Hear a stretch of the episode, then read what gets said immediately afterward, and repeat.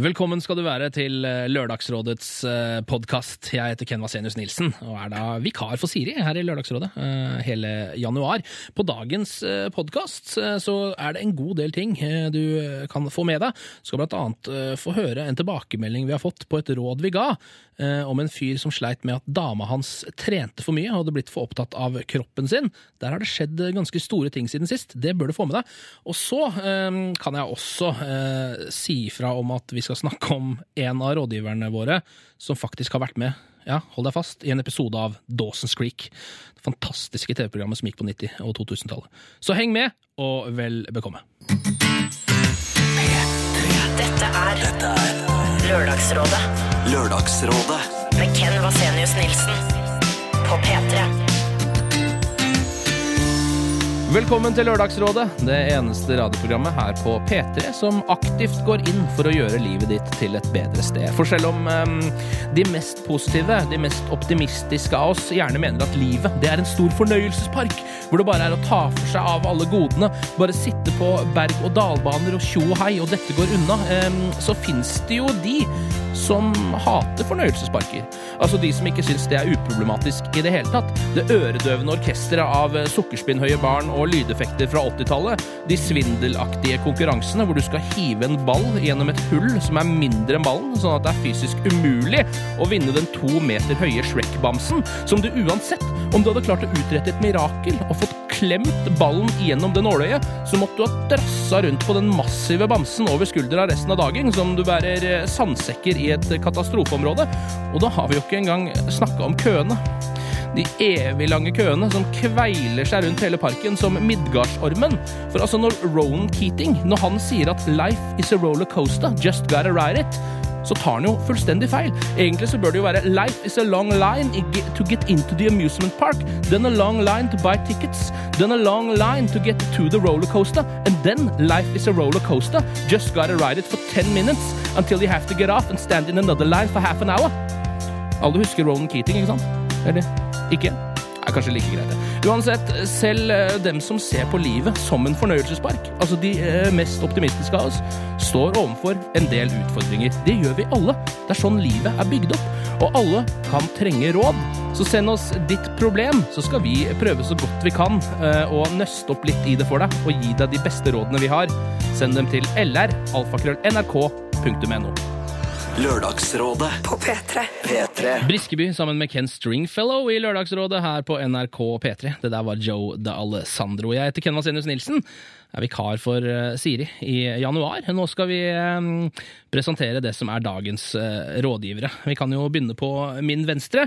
Hun er artist og ga ut en plate i fjor som heter Faen Kaja. Kaja Gunnufsen, velkommen skal du være. Tusen takk. Det er første gang du er med. Jepp. Du vet hva det går i, eller? Jeg har hørt mye på det, og Ja. har alltid vært glad i å gi råd. Du har vært glad i det. Ja.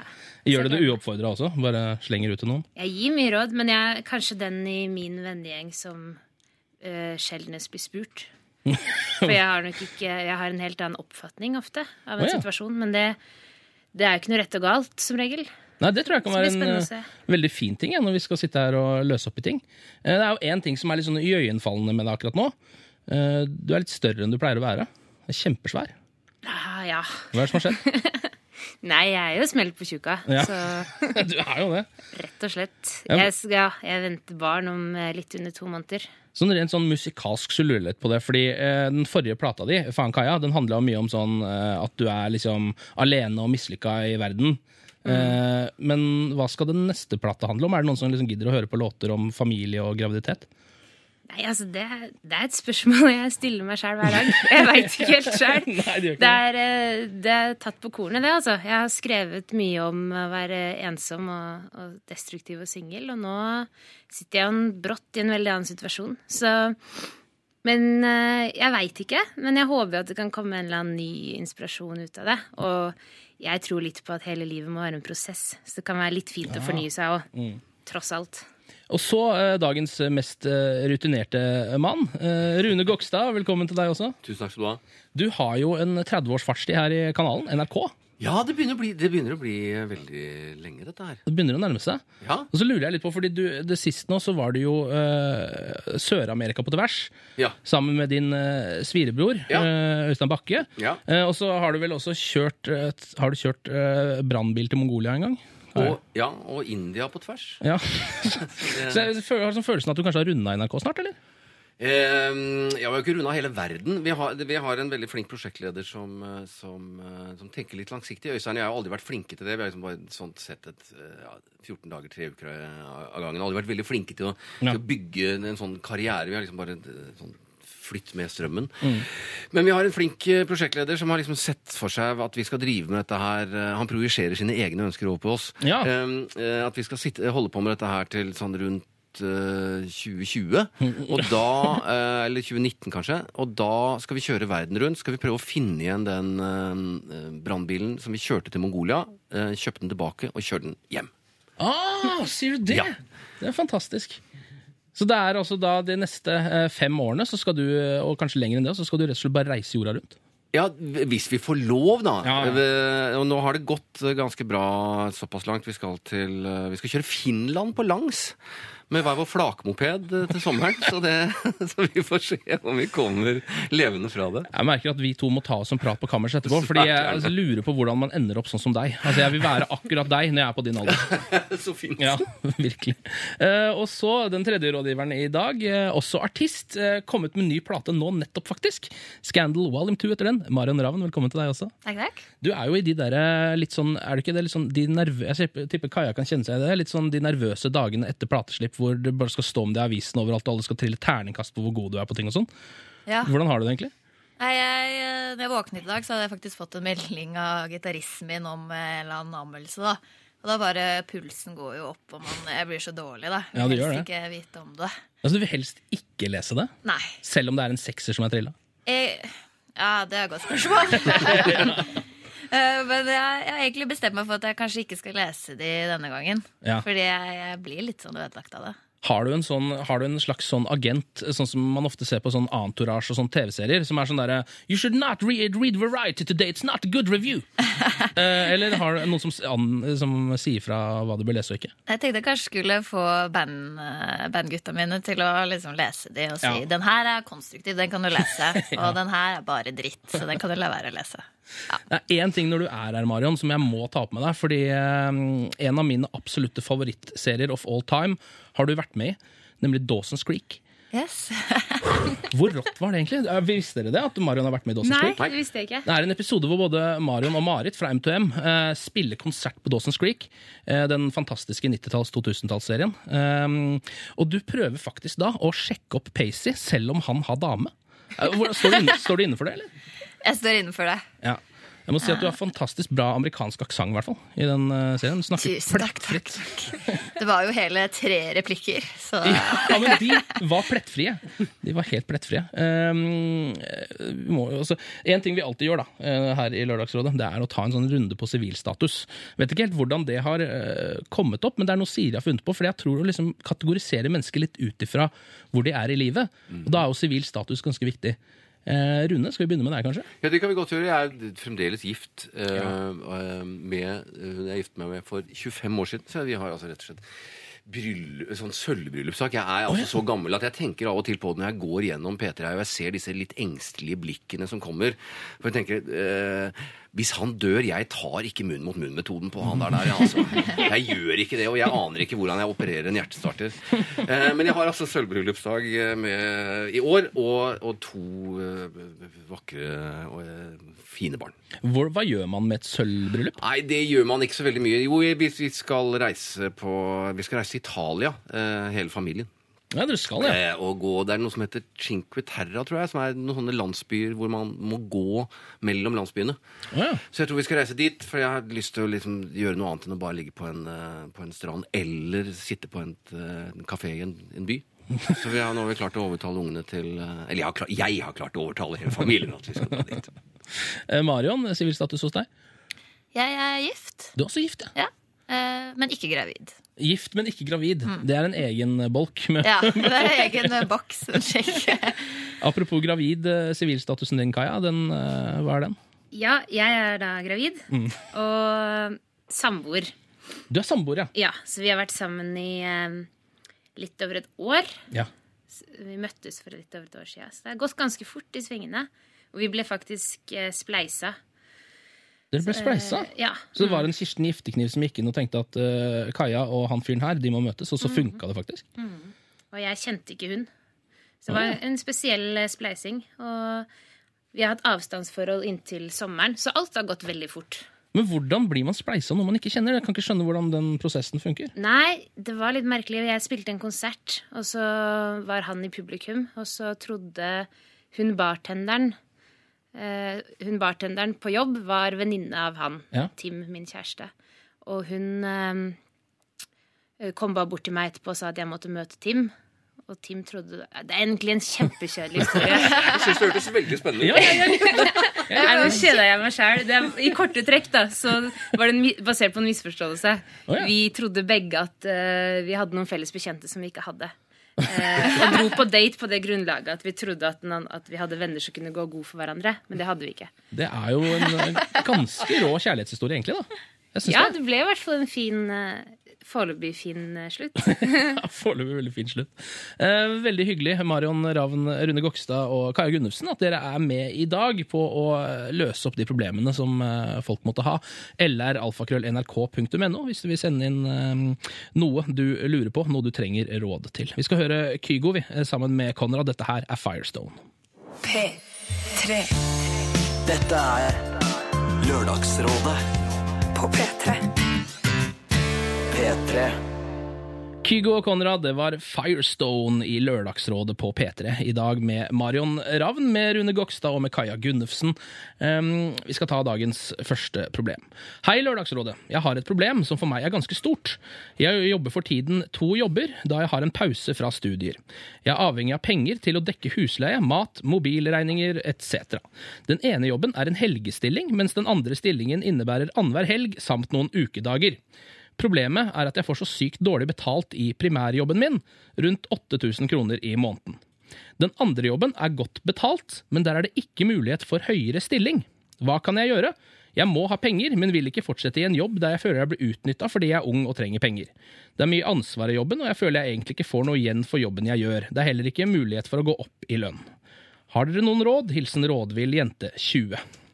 Spørsmålet er vel om man skal leve liksom i nuet, da, eller tenke på framtiden. Hva tenker dere? Jeg må bare spørre, jeg forstår ikke helt, Er det det at hun, hun tjener ikke nok Eller hun, altså, hun kan ikke fortsette å studere? Hun er avhengig av å jobbe for å Ja, eh, ha råd til å livnære seg? Ja, nå har hun da en studiepause hvor hun da jobber. Den ene jobben eh, så tjener hun veldig godt, men det er liksom eh, på en måte ikke noe vei framover. Eh, det er ikke sånn at eh, hun kan jobbe seg opp i den jobben. Den andre tjener hun dårlig, men der er det en framtid av et eller annet slag. da. Men jeg ville jo tenkt hvis hun har studiepause, så skal hun kanskje tilbake til studiene. Ja, det kan hende. Så da ville jeg blitt på den jobben som ga meg mest penger. Sånn at eh, man får mest ut av den pausen. Ja. ja, det er jo faktisk et eh, poeng. Hun ikke, nevner jo ikke om hun skal tilbake igjen, men det står jo pause, og en pause vil jo alltid si at man skal begynne på noe igjen. da, Eller i hvert fall vanligvis. Ja, Man har jo lov å være litt pragmatisk hvis dette er et, en periode hvor hun bare trenger penger, ja. Så ville jeg også gått for den løsninga. Hva med deg, Rune? Nei, jeg, jeg sitter også og stusser litt over, over dilemmaet hennes. Fordi, som sagt, så Hvis dette hadde vært for, for evig og alltid og fem alltid, så har, tror jeg det hadde vært viktigere å, å gå for en jobb hvor man, som man liker. Eh, og ikke, ikke løpe etter pengene, fordi det er eh, Jeg har, ja, nå har jeg, jeg har hatt jobber hvor jeg, hvor jeg eh, har kjent at Uff, nå er det søndag kveld allerede. Ja. Eh, og det er ikke noe god følelse. Det er mye bedre sånn, eh, å glede seg til å gå på jobb. Det er jo ikke sikkert at hun gjør det i den andre jobben heller, da. Men, men det, å, det å, å trives er, tror jeg er bedre enn å tjene mange penger. Men jeg, akkurat her ville jeg vel uh, sagt meg enig med, Men godt for med de to pengene? andre. Godt for pengene, altså. Men det er jo på en måte, eh, hvis vi sier at hun eh, ikke eh, skal tilbake til Eller at hun skal tilbake til studiene igjen, da. Mm. Hvis vi ser det fra den siden at kanskje ikke det kommer til å bli noe av at hun Kanskje de studiene var litt kjedelige. Kanskje hun tenker at hun må prøve seg i arbeidslivet fordi det er en bedre vei å gå. Burde man da gå for den jobben som kan gi en slags karriere, eller hvor man kan gå opp i, opp i trappene?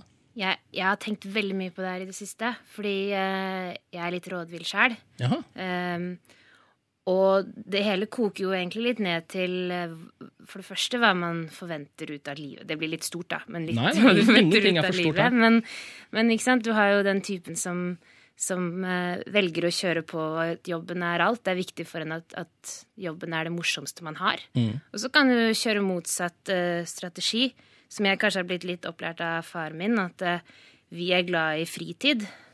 Eh, Vi i Gunnufsen-slekta er glad i fritid og har, liksom verdsetter det høyt. Og da, ok, men da kan man ikke legge lista like høy i jobb, altså karriereverden. Da må du ta, da må du i gåstein ta til takke med at du kanskje ikke har drømmejobben, og kanskje ikke Kanskje det stagnerer litt, men da har du også valgt at du andre goder, ikke sant? Så Ja. det, det kommer jo helt an på hva slags type du er, og hva du setter høyest i livet. Om Mm. du setter høyt det å ha penger nok til å kunne betale viktige utgifter, og så rett og slett ha fri.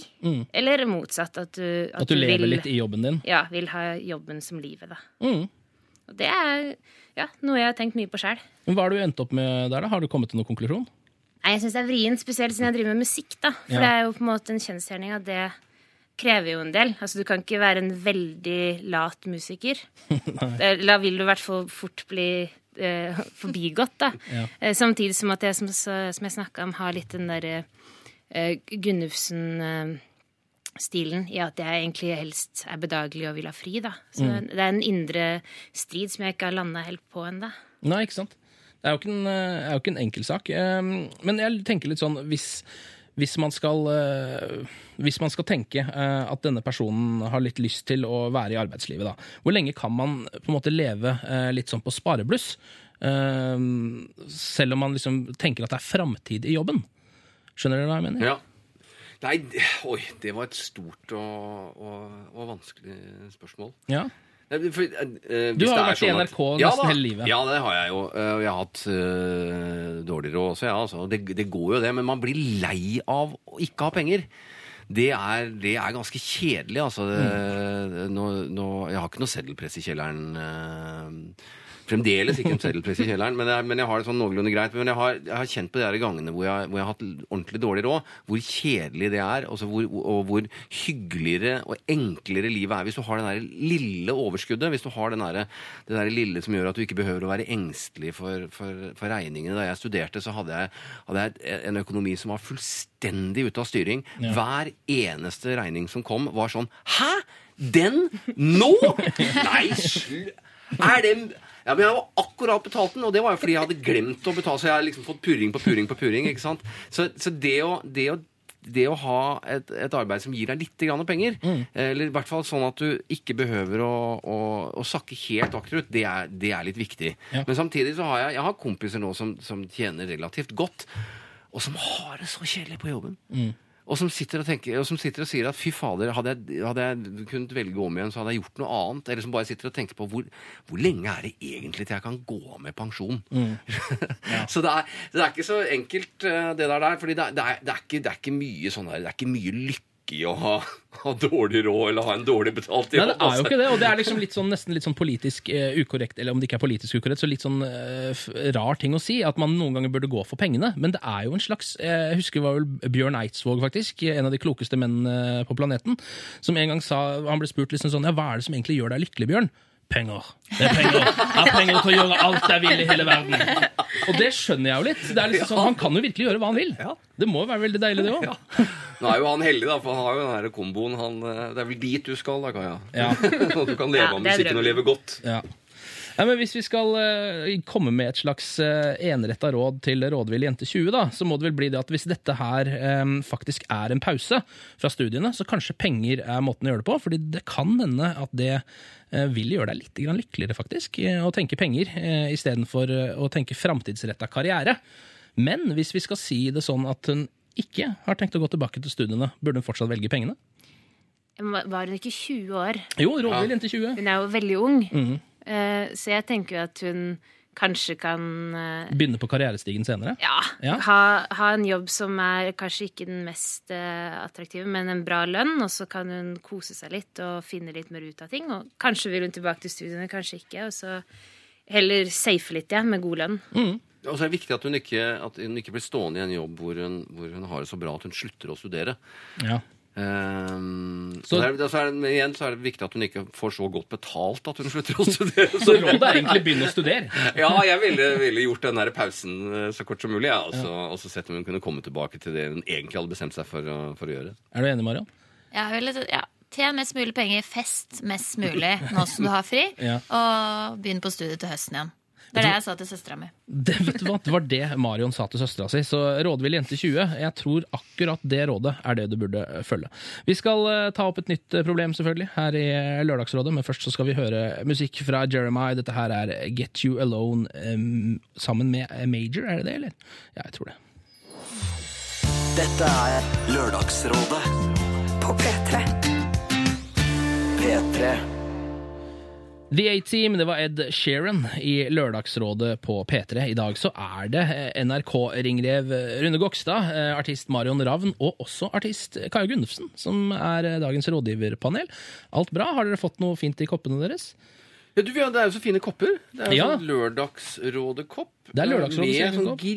Gripegummi. Jeg har allerede klart å velte et pappkrus med, med, med te. Ja, og det holdt nå- på å lande i skrittet ditt. Ja, det, gikk, det, jeg, jeg, det, det hadde en reaksjonsevne som overrasket eh, i hvert fall meg. Du var som en katt. Du hoppa unna der. Takk. Ja. takk. Eh, og, eh, så nå har jeg liksom fått en kopp som, jeg, som har, har såpass godt gripegrunnlag at det, det skal ikke skje igjen.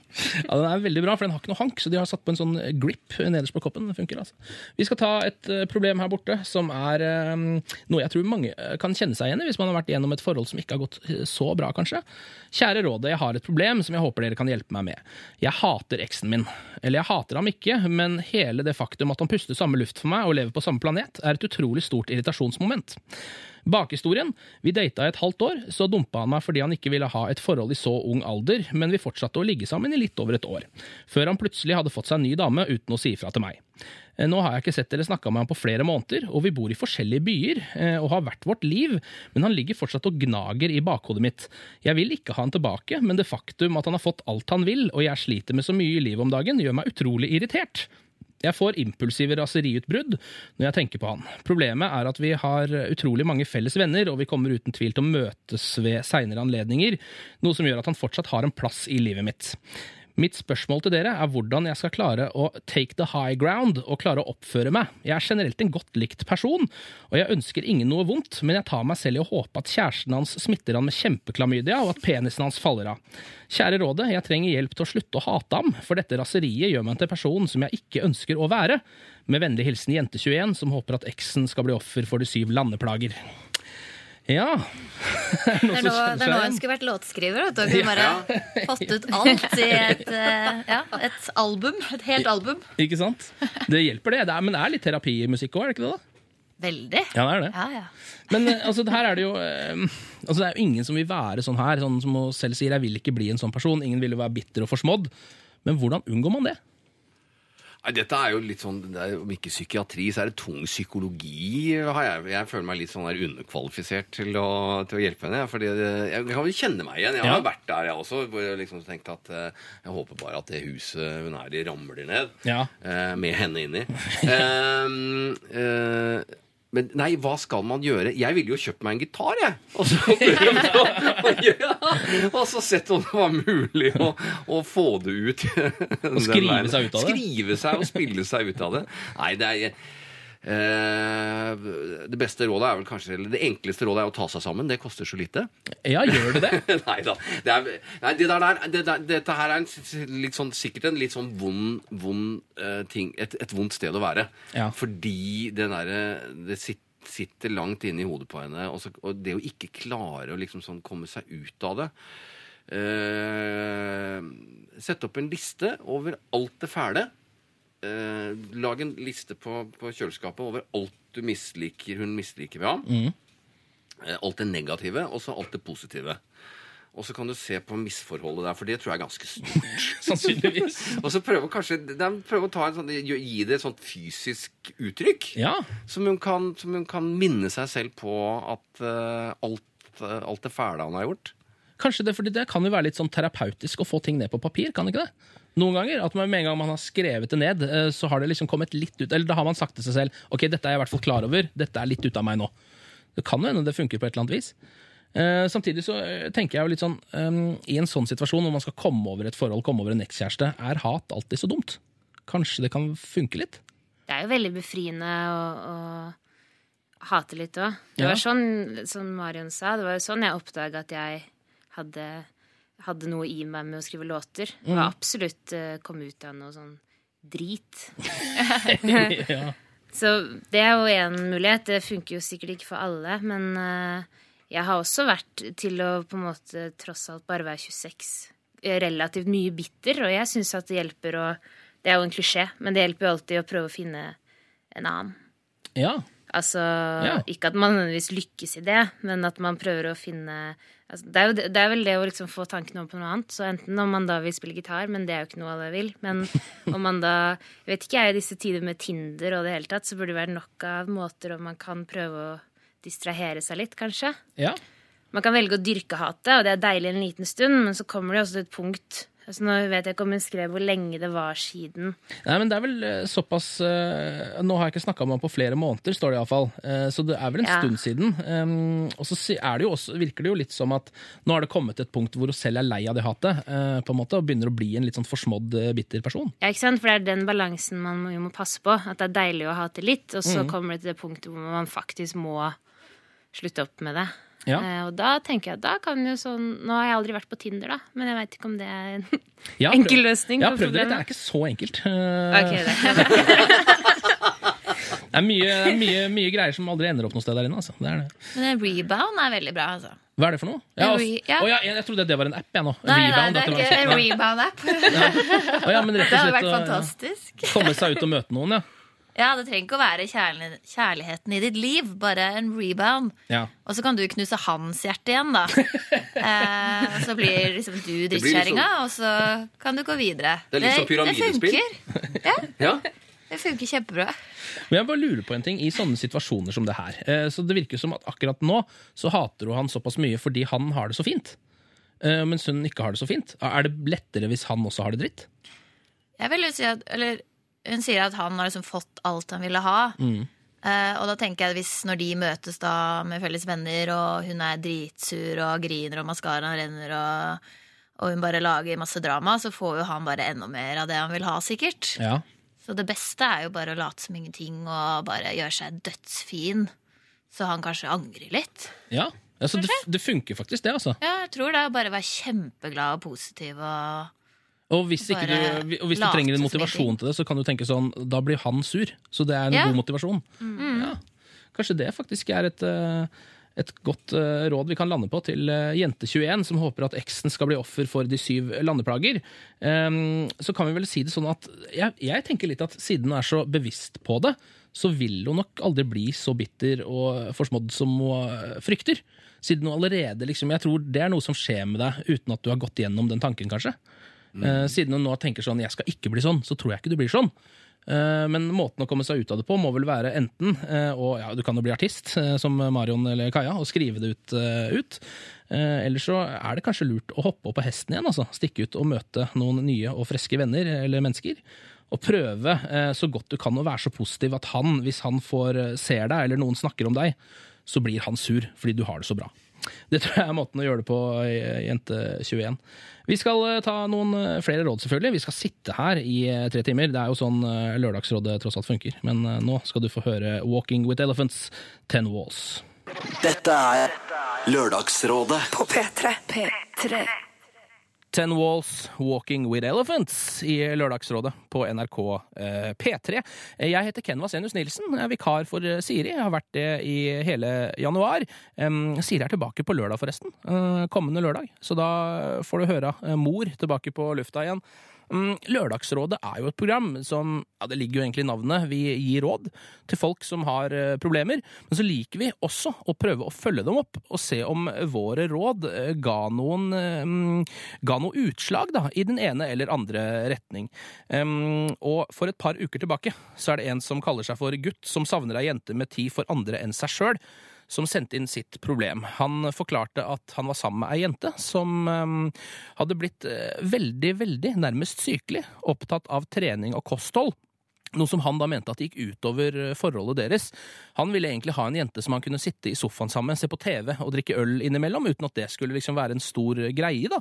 Eh, Men denne dama eh, var mest opptatt av å eh, holde kroppen sin eh, utrolig tynn og fin. eh, Og brukte veldig lang tid på det, noe som gjorde at de liksom ikke kunne gjøre så mye sammen lenger.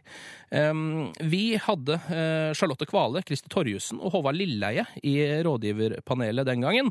Dette var det rådet de ga. Jeg vet hva, jeg skjønner den så godt. Ja, Dette, dette her er en felle som en god del folk uh, går i. I den derre sjuke fysisk selvopptatthetsfella. Du er besatt av et mønster da, som du har låst deg helt inn i, og glemmer liksom alt det der, de små tingene livet har å by på. Mennesker som helt oppriktig sier en dag uten trening, en dag uten mening, de må finne andre ting òg. Jo, men det er forferdelig.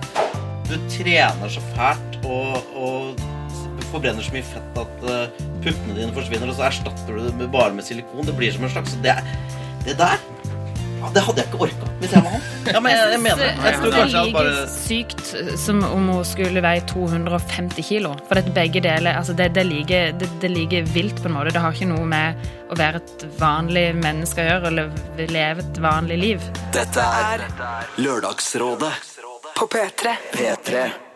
Og nå har da gutt som savner ei jente med tid for andre enn seg sjøl, sendt oss en tilbakemelding på hvordan det der gikk. Jeg skal innrømme at jeg var veldig spent da jeg leste denne mailen. Her kommer den. Hei, tusen takk for de fine koppene jeg fikk i posten. Jeg tok mot til meg eh, og spilte av rådene jeg fikk av dere på Lørdagsrådet, til dama. Dessverre falt det ikke i god jord, og jeg ble vitne til et fyrverkeri jeg ikke har opplevd maken til. Etter å ha hørt ferdig, grep hun koppen og tømte ølet jeg hadde hatt i koppen, i hodet på meg. Eh, Jeg var absolutt åpen for en diskusjon, men nådde aldri frem. Jeg tror forholdet vårt egentlig har vært på overtid. Spesielt siden julebordsesongen starta i desember i fjor, eh, har egentlig alt bare dreid seg om tvangstrening og et ekstremt matregime som ikke er forenlig med et forhold. Vi har vært sammen i to år. De første var vi ekstremt lykkelige, men etter hvert ble trening og sunn mat altoppslukende interesse for henne. På lik linje med noen som mister sine kjære til fordel for narkotika eller alkoholmisbruk, føler jeg at hun har sklidd bort fra meg. Jeg har kontakta fastlegen min for å høre hva han sa. Han mente hun led av ortoreksi, som er da sånn eh, ja, sykelig opptatthet av eh, trening og kropp, da, eh, og ville at hun skulle kontakte sin fastlege for å ta blodprøve og undersøke henne, noe hun nekta da hun sa hun ikke var syk. Syk eller ikke, jenta er definitivt ikke den jenta jeg falt for, og nå ser det ut som hun går i en transe, eh, ser jeg at det er vanskelig å fortsette et forhold som jeg tror er dømt til å gå i vasken. Jeg tok en telefon til mora hennes og fortalte situasjonen, og hun ble ikke overraska. Hun hadde lagt merke til forandringen og lovte å ta det opp med henne. Tusen takk for rådene vi fikk av dere, og det hjalp oss å finne ut av saker og ting, og i hvert fall få en fortgang på en situasjon og forhold som ingen var lykkelige i. Med vennlig hilsen gutt som savner ei jente med tid for andre enn seg sjøl. Vet du hva, eh, gutt som savner ei jente med tid for andre enn seg sjøl, jeg tror du har gjort et rett valg. jeg. Tror de rådene som eh, kom fram her i Lørdagsrådet, var gode råd. Og du må gjerne følge opp med om du angrer i etterkant eller ikke på at du gikk til et så drastisk eh, steg, da, å ta det opp med henne. Og siden det faktisk da skjærte seg litt, for å si det sånn, så håper vi at du blir fornøyd i fremtiden også. Det tror jeg faktisk at du kommer til å bli også. Her i Lørdagsrådet skal vi fortsette å ta for oss problemer som kommer inn på lralfakrøll.nrk.no. Nå skal du høre Hoosier, Take Me To Church. Dette er Lørdagsrådet På P3. P3. Red Hot Chili Peppers Aeroplane. Du hører på Lørdagsrådet på NRK P3 med meg, Ken Vasenius Nilsen, i dag som er vikar for Siri Kristiansen. Så har vi også med Rune Gokstad, Marion Ravn og Kaja Gunnufsen. Um, vi skal straks ta for oss et problem som dreier seg om å være litt sånn ukomfortabel i visse situasjoner. Og da lurer jeg litt på, Siden alle dere er jo litt sånn scenemennesker, som man kan si. Eh, to av dere er artister som virkelig står på en scene. uh, og du er jo mye på skjermen, eh. Rune, og innspillinger osv. Mm. Um, har dere slitt med litt sånn sceneangst, noen av dere? Sceneangst? Nei. Nei? Nei, jeg har alltid likt å stå på scenen. Ja? Nei, ikke på scenen. Nei. Hva med deg, Kaja? Nei, jeg har vel aldri følt på, på sceneangst, nei. Eh, Men jeg, jeg var nok, i hvert fall før, ganske sjenert. Ja. Så nettopp scenen har vel vært eh, litt sånn sted hvor jeg har følt at jeg har mestra det litt, da. Ja. Mm, men det er jo mange andre settinger som jeg syns er fryktelig ukomfortable. Men ikke akkurat det var på scenen. Husker du første gangen du sto på en scene? Bare vagt. Altså, Ja. Det er sånn type sånn barneskoleopptredener. Ja. Eh, Men som sagt så var jeg nok mye vært tøffere på det enn på mye annet her i livet. Men Marion, du nevnte jo, eh, vi var ute og henta litt te under låta her nå, så nevnte du at eh, du skal, eh, skal på turné, siden du har gitt ut, eller skal gitt ny plate. Og da skal du varme opp for Lionel Richie, Ja. en av de råeste folka i verden. Eh, Og han spiller jo ikke for færre enn 20 000, liksom. Nei. Så da skal du stå der da, foran 20 000. Ja, det kan være litt skummelt. Ja, men eh, kjenner du ikke litt på det? Jo, jeg gjør det. Eh, fordi når man varmer opp, så Altså Hvis det er 20 000 mennesker som skal finne plassene sine, og hvor er ølen min, og driver og og egentlig bare venter på at Lionel Richie skal komme på scenen, Ja. så er det jo eh, Det er litt skummelt. At man skal sånn få, ja, prøve å få oppmerksomheten til folk, da. Har du spilt for så mange før? Ja, jeg var på turné med Meatloaf. Åh, Eh, stemmer det! Meatloaf, altså. i, eh, Du tiltrekker deg de råeste folka i musikkbransjen. Det er ikke noe tvil om det. Og da gjorde jeg jo det samme, og det er jeg veldig glad for, for da vet jeg litt hva jeg går til. Ja. Så, for da gikk jeg også, og da var det bare meg og en gitarist eh, som gikk ut på scenen og bare Hallo. Ja, hello. Hello, is it me you're looking for? Eh, Rune, Ja. du eh, har jo liksom holdt på med veldig mye TV-innspillinger. Ja. eh, og har vært mye på direkte-TV også. Mm. Um, første gangen du var direkte på TV, hvordan Oi, føltes det? Ja, Det husker jeg ikke egentlig. Når var det? Det må ha vært fryktelig lenge Ja siden. det, ja, det begynner å bli noen år siden. Men jeg drev og spilte revy. Ja, Eh, Så du har også vært mye på scenen? Så, så jeg har, vært, har stått på scenen, og det, den nervøsiteten har egentlig alltid gitt seg når- jeg først kommer ut. Jeg kan være litt sånn her, nervøs og, og kanskje mer, mer spent Mm. enn eh, enn nervøs, egentlig. Men med en gang eh, sånn teppet gikk til side, eller kommer ut på scenen, så har, så det har gitt seg. Ja. Jeg, jeg bandt sammen en, en konsert i Trondheim forrige fredag. Og da var jeg litt sånn, litt sånn urolig i maven. Hadde litt sånn vondt i maven. Eh, og det var kanskje fordi vi skulle gjøre ting som vi ikke var helt komfortable med. Um, men med en gang vi liksom kom ut så, så, og gikk av igjen, så slo det meg at nei, nå har jeg ikke vondt i magen lenger. Ja, ja. Så det var rett og slett sånn der nervøsitet. Jeg tenkte at Det var litt rart at det skulle komme såpass sent eh, i livet. hadde jeg nær sagt. Men, men, men, men det er nok mer det å være, mer det å være spent enn nervøs. For jeg får spørsmålet av og til ikke, Blir du ikke nervøs når du liksom skal ut sånn. Nei, men det er jo for så vidt altså, du, Blir du nervøs når du går i møter? Er du nervøs Ja. når du skal liksom skifte, skifte en, eh, en stikkontakt eller, eller tette en lekkasje? Er Det blir en vanesak, ja. liksom, ja, det, er jo såpass heldige at vi har det som jobb alle tre. Så det er liksom, det er en del av, av jobben. Men hva er det som får deg til å rødme, da? Å rødme, nei, det Og det øh, Når blir du ordentlig ukomfortabel? Nei, det er i store selskap hvor jeg ikke kjenner noen. Ja. Det, det, det er det verste jeg vet. Og hvis det, hvis det i tillegg er langt hjemmefra, og det ikke er mulig å komme seg hjem med en drosje uten at det går utover liksom sånn kontantbeholdningen, det hater jeg i nett. Så selv en mann som er på TV nesten hver eneste dag, ja det er det jo ikke da, men uh, så blir liksom nervøs når det er minglefester. Ja, det klarer jeg meg fint til. Vi skal uh, ta et sånt type problem, nemlig et rødmeproblem. Et eh, problem med en som er ukomfortabel, etter at vi har hørt litt grann på Ina Wroldsen. Dette her er Aliens, her er jeg. P3 Dette er Lørdagsrådet på P3. P3. Ina Wroldsen hørte du i Lørdagsrådet. Eh, Aliens, her er eh, jeg. Og eh, Rune Gokstad, Marion Ravn og Kaja Gunnufsen og meg, Ken Vasenus Nilsen, skal nå gå løs på et nytt problem. Hei, Lørdagsrådet. Jeg har et problem. Er en voksen kvinne som jobber på sykehus, og hver gang jeg snakker med eller ser en mannlig lege i gangen, rødmer jeg. Dette er slitsomt og veldig synlig. Jeg er vanligvis en utadvendt person som sjelden rødmer i trygge omgivelser, men flotte leger gjør meg rett og slett nervøs. Jeg prøver å konfrontere det med å stå i rødmingen, men det blir bare verre. Har dere noen erfaringer og råd med hvordan få bukt på rødming? PS. Jeg har ikke mulighet til å unngå kontakt med legene gjennom arbeidsdagen. Takk for råd. Hilsen Rødme-Guri. Du må slutte å se på Grace Anatomy. Hun se på House i stedet. ja. ja, for han er kanskje ikke like uh, outstanding som Jo, han er kjekk, altså. Han er det, ja. Jeg syns det. Men han er liksom, jeg, jeg, Nå har ikke jeg sett på Grey's Anatomy, men jeg har sett litt grann på House. Men han er liksom ikke Han er jo ikke den fyren som sånn ja, det, det oser vel ikke romantikk av ham? Han er ikke så sympatisk. Nei, han er jo ikke det. nei.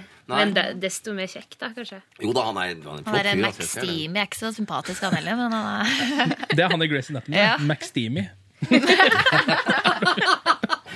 Men hva er det liksom med, eh, i dette tilfellet, da leger, eller liksom eh, i mitt tilfelle f.eks. Håkan Hellstrøm, da, eh, som gjør at jeg blir helt sånn starstruck og begynner å rødme og ikke klarer å kontrollere meg? Hvorfor er det sånn? Er ikke, det, er ikke det en sånn fysiologisk eh, greie, tror jeg? Som, altså, som, som kommer Det er, en sånn, det er en fysisk reaksjon Ja, på et eller annet som man ikke kan styre selv. Jeg vet jo at det er noen som, som, eh, som liksom, jeg, jeg lurer på om det ikke fins noe Om det ikke er medisiner eller om det fins noe terapi eller noe elektrosjokk som kan ta det. Altså, uten at jeg skal råde en til, til, å, til å, å, å gå så langt. Hun er jo sykepleier, så burde du kanskje vite noe om det. Eh, hvis det hadde vært noe psykoterapi hun kunne vært innom.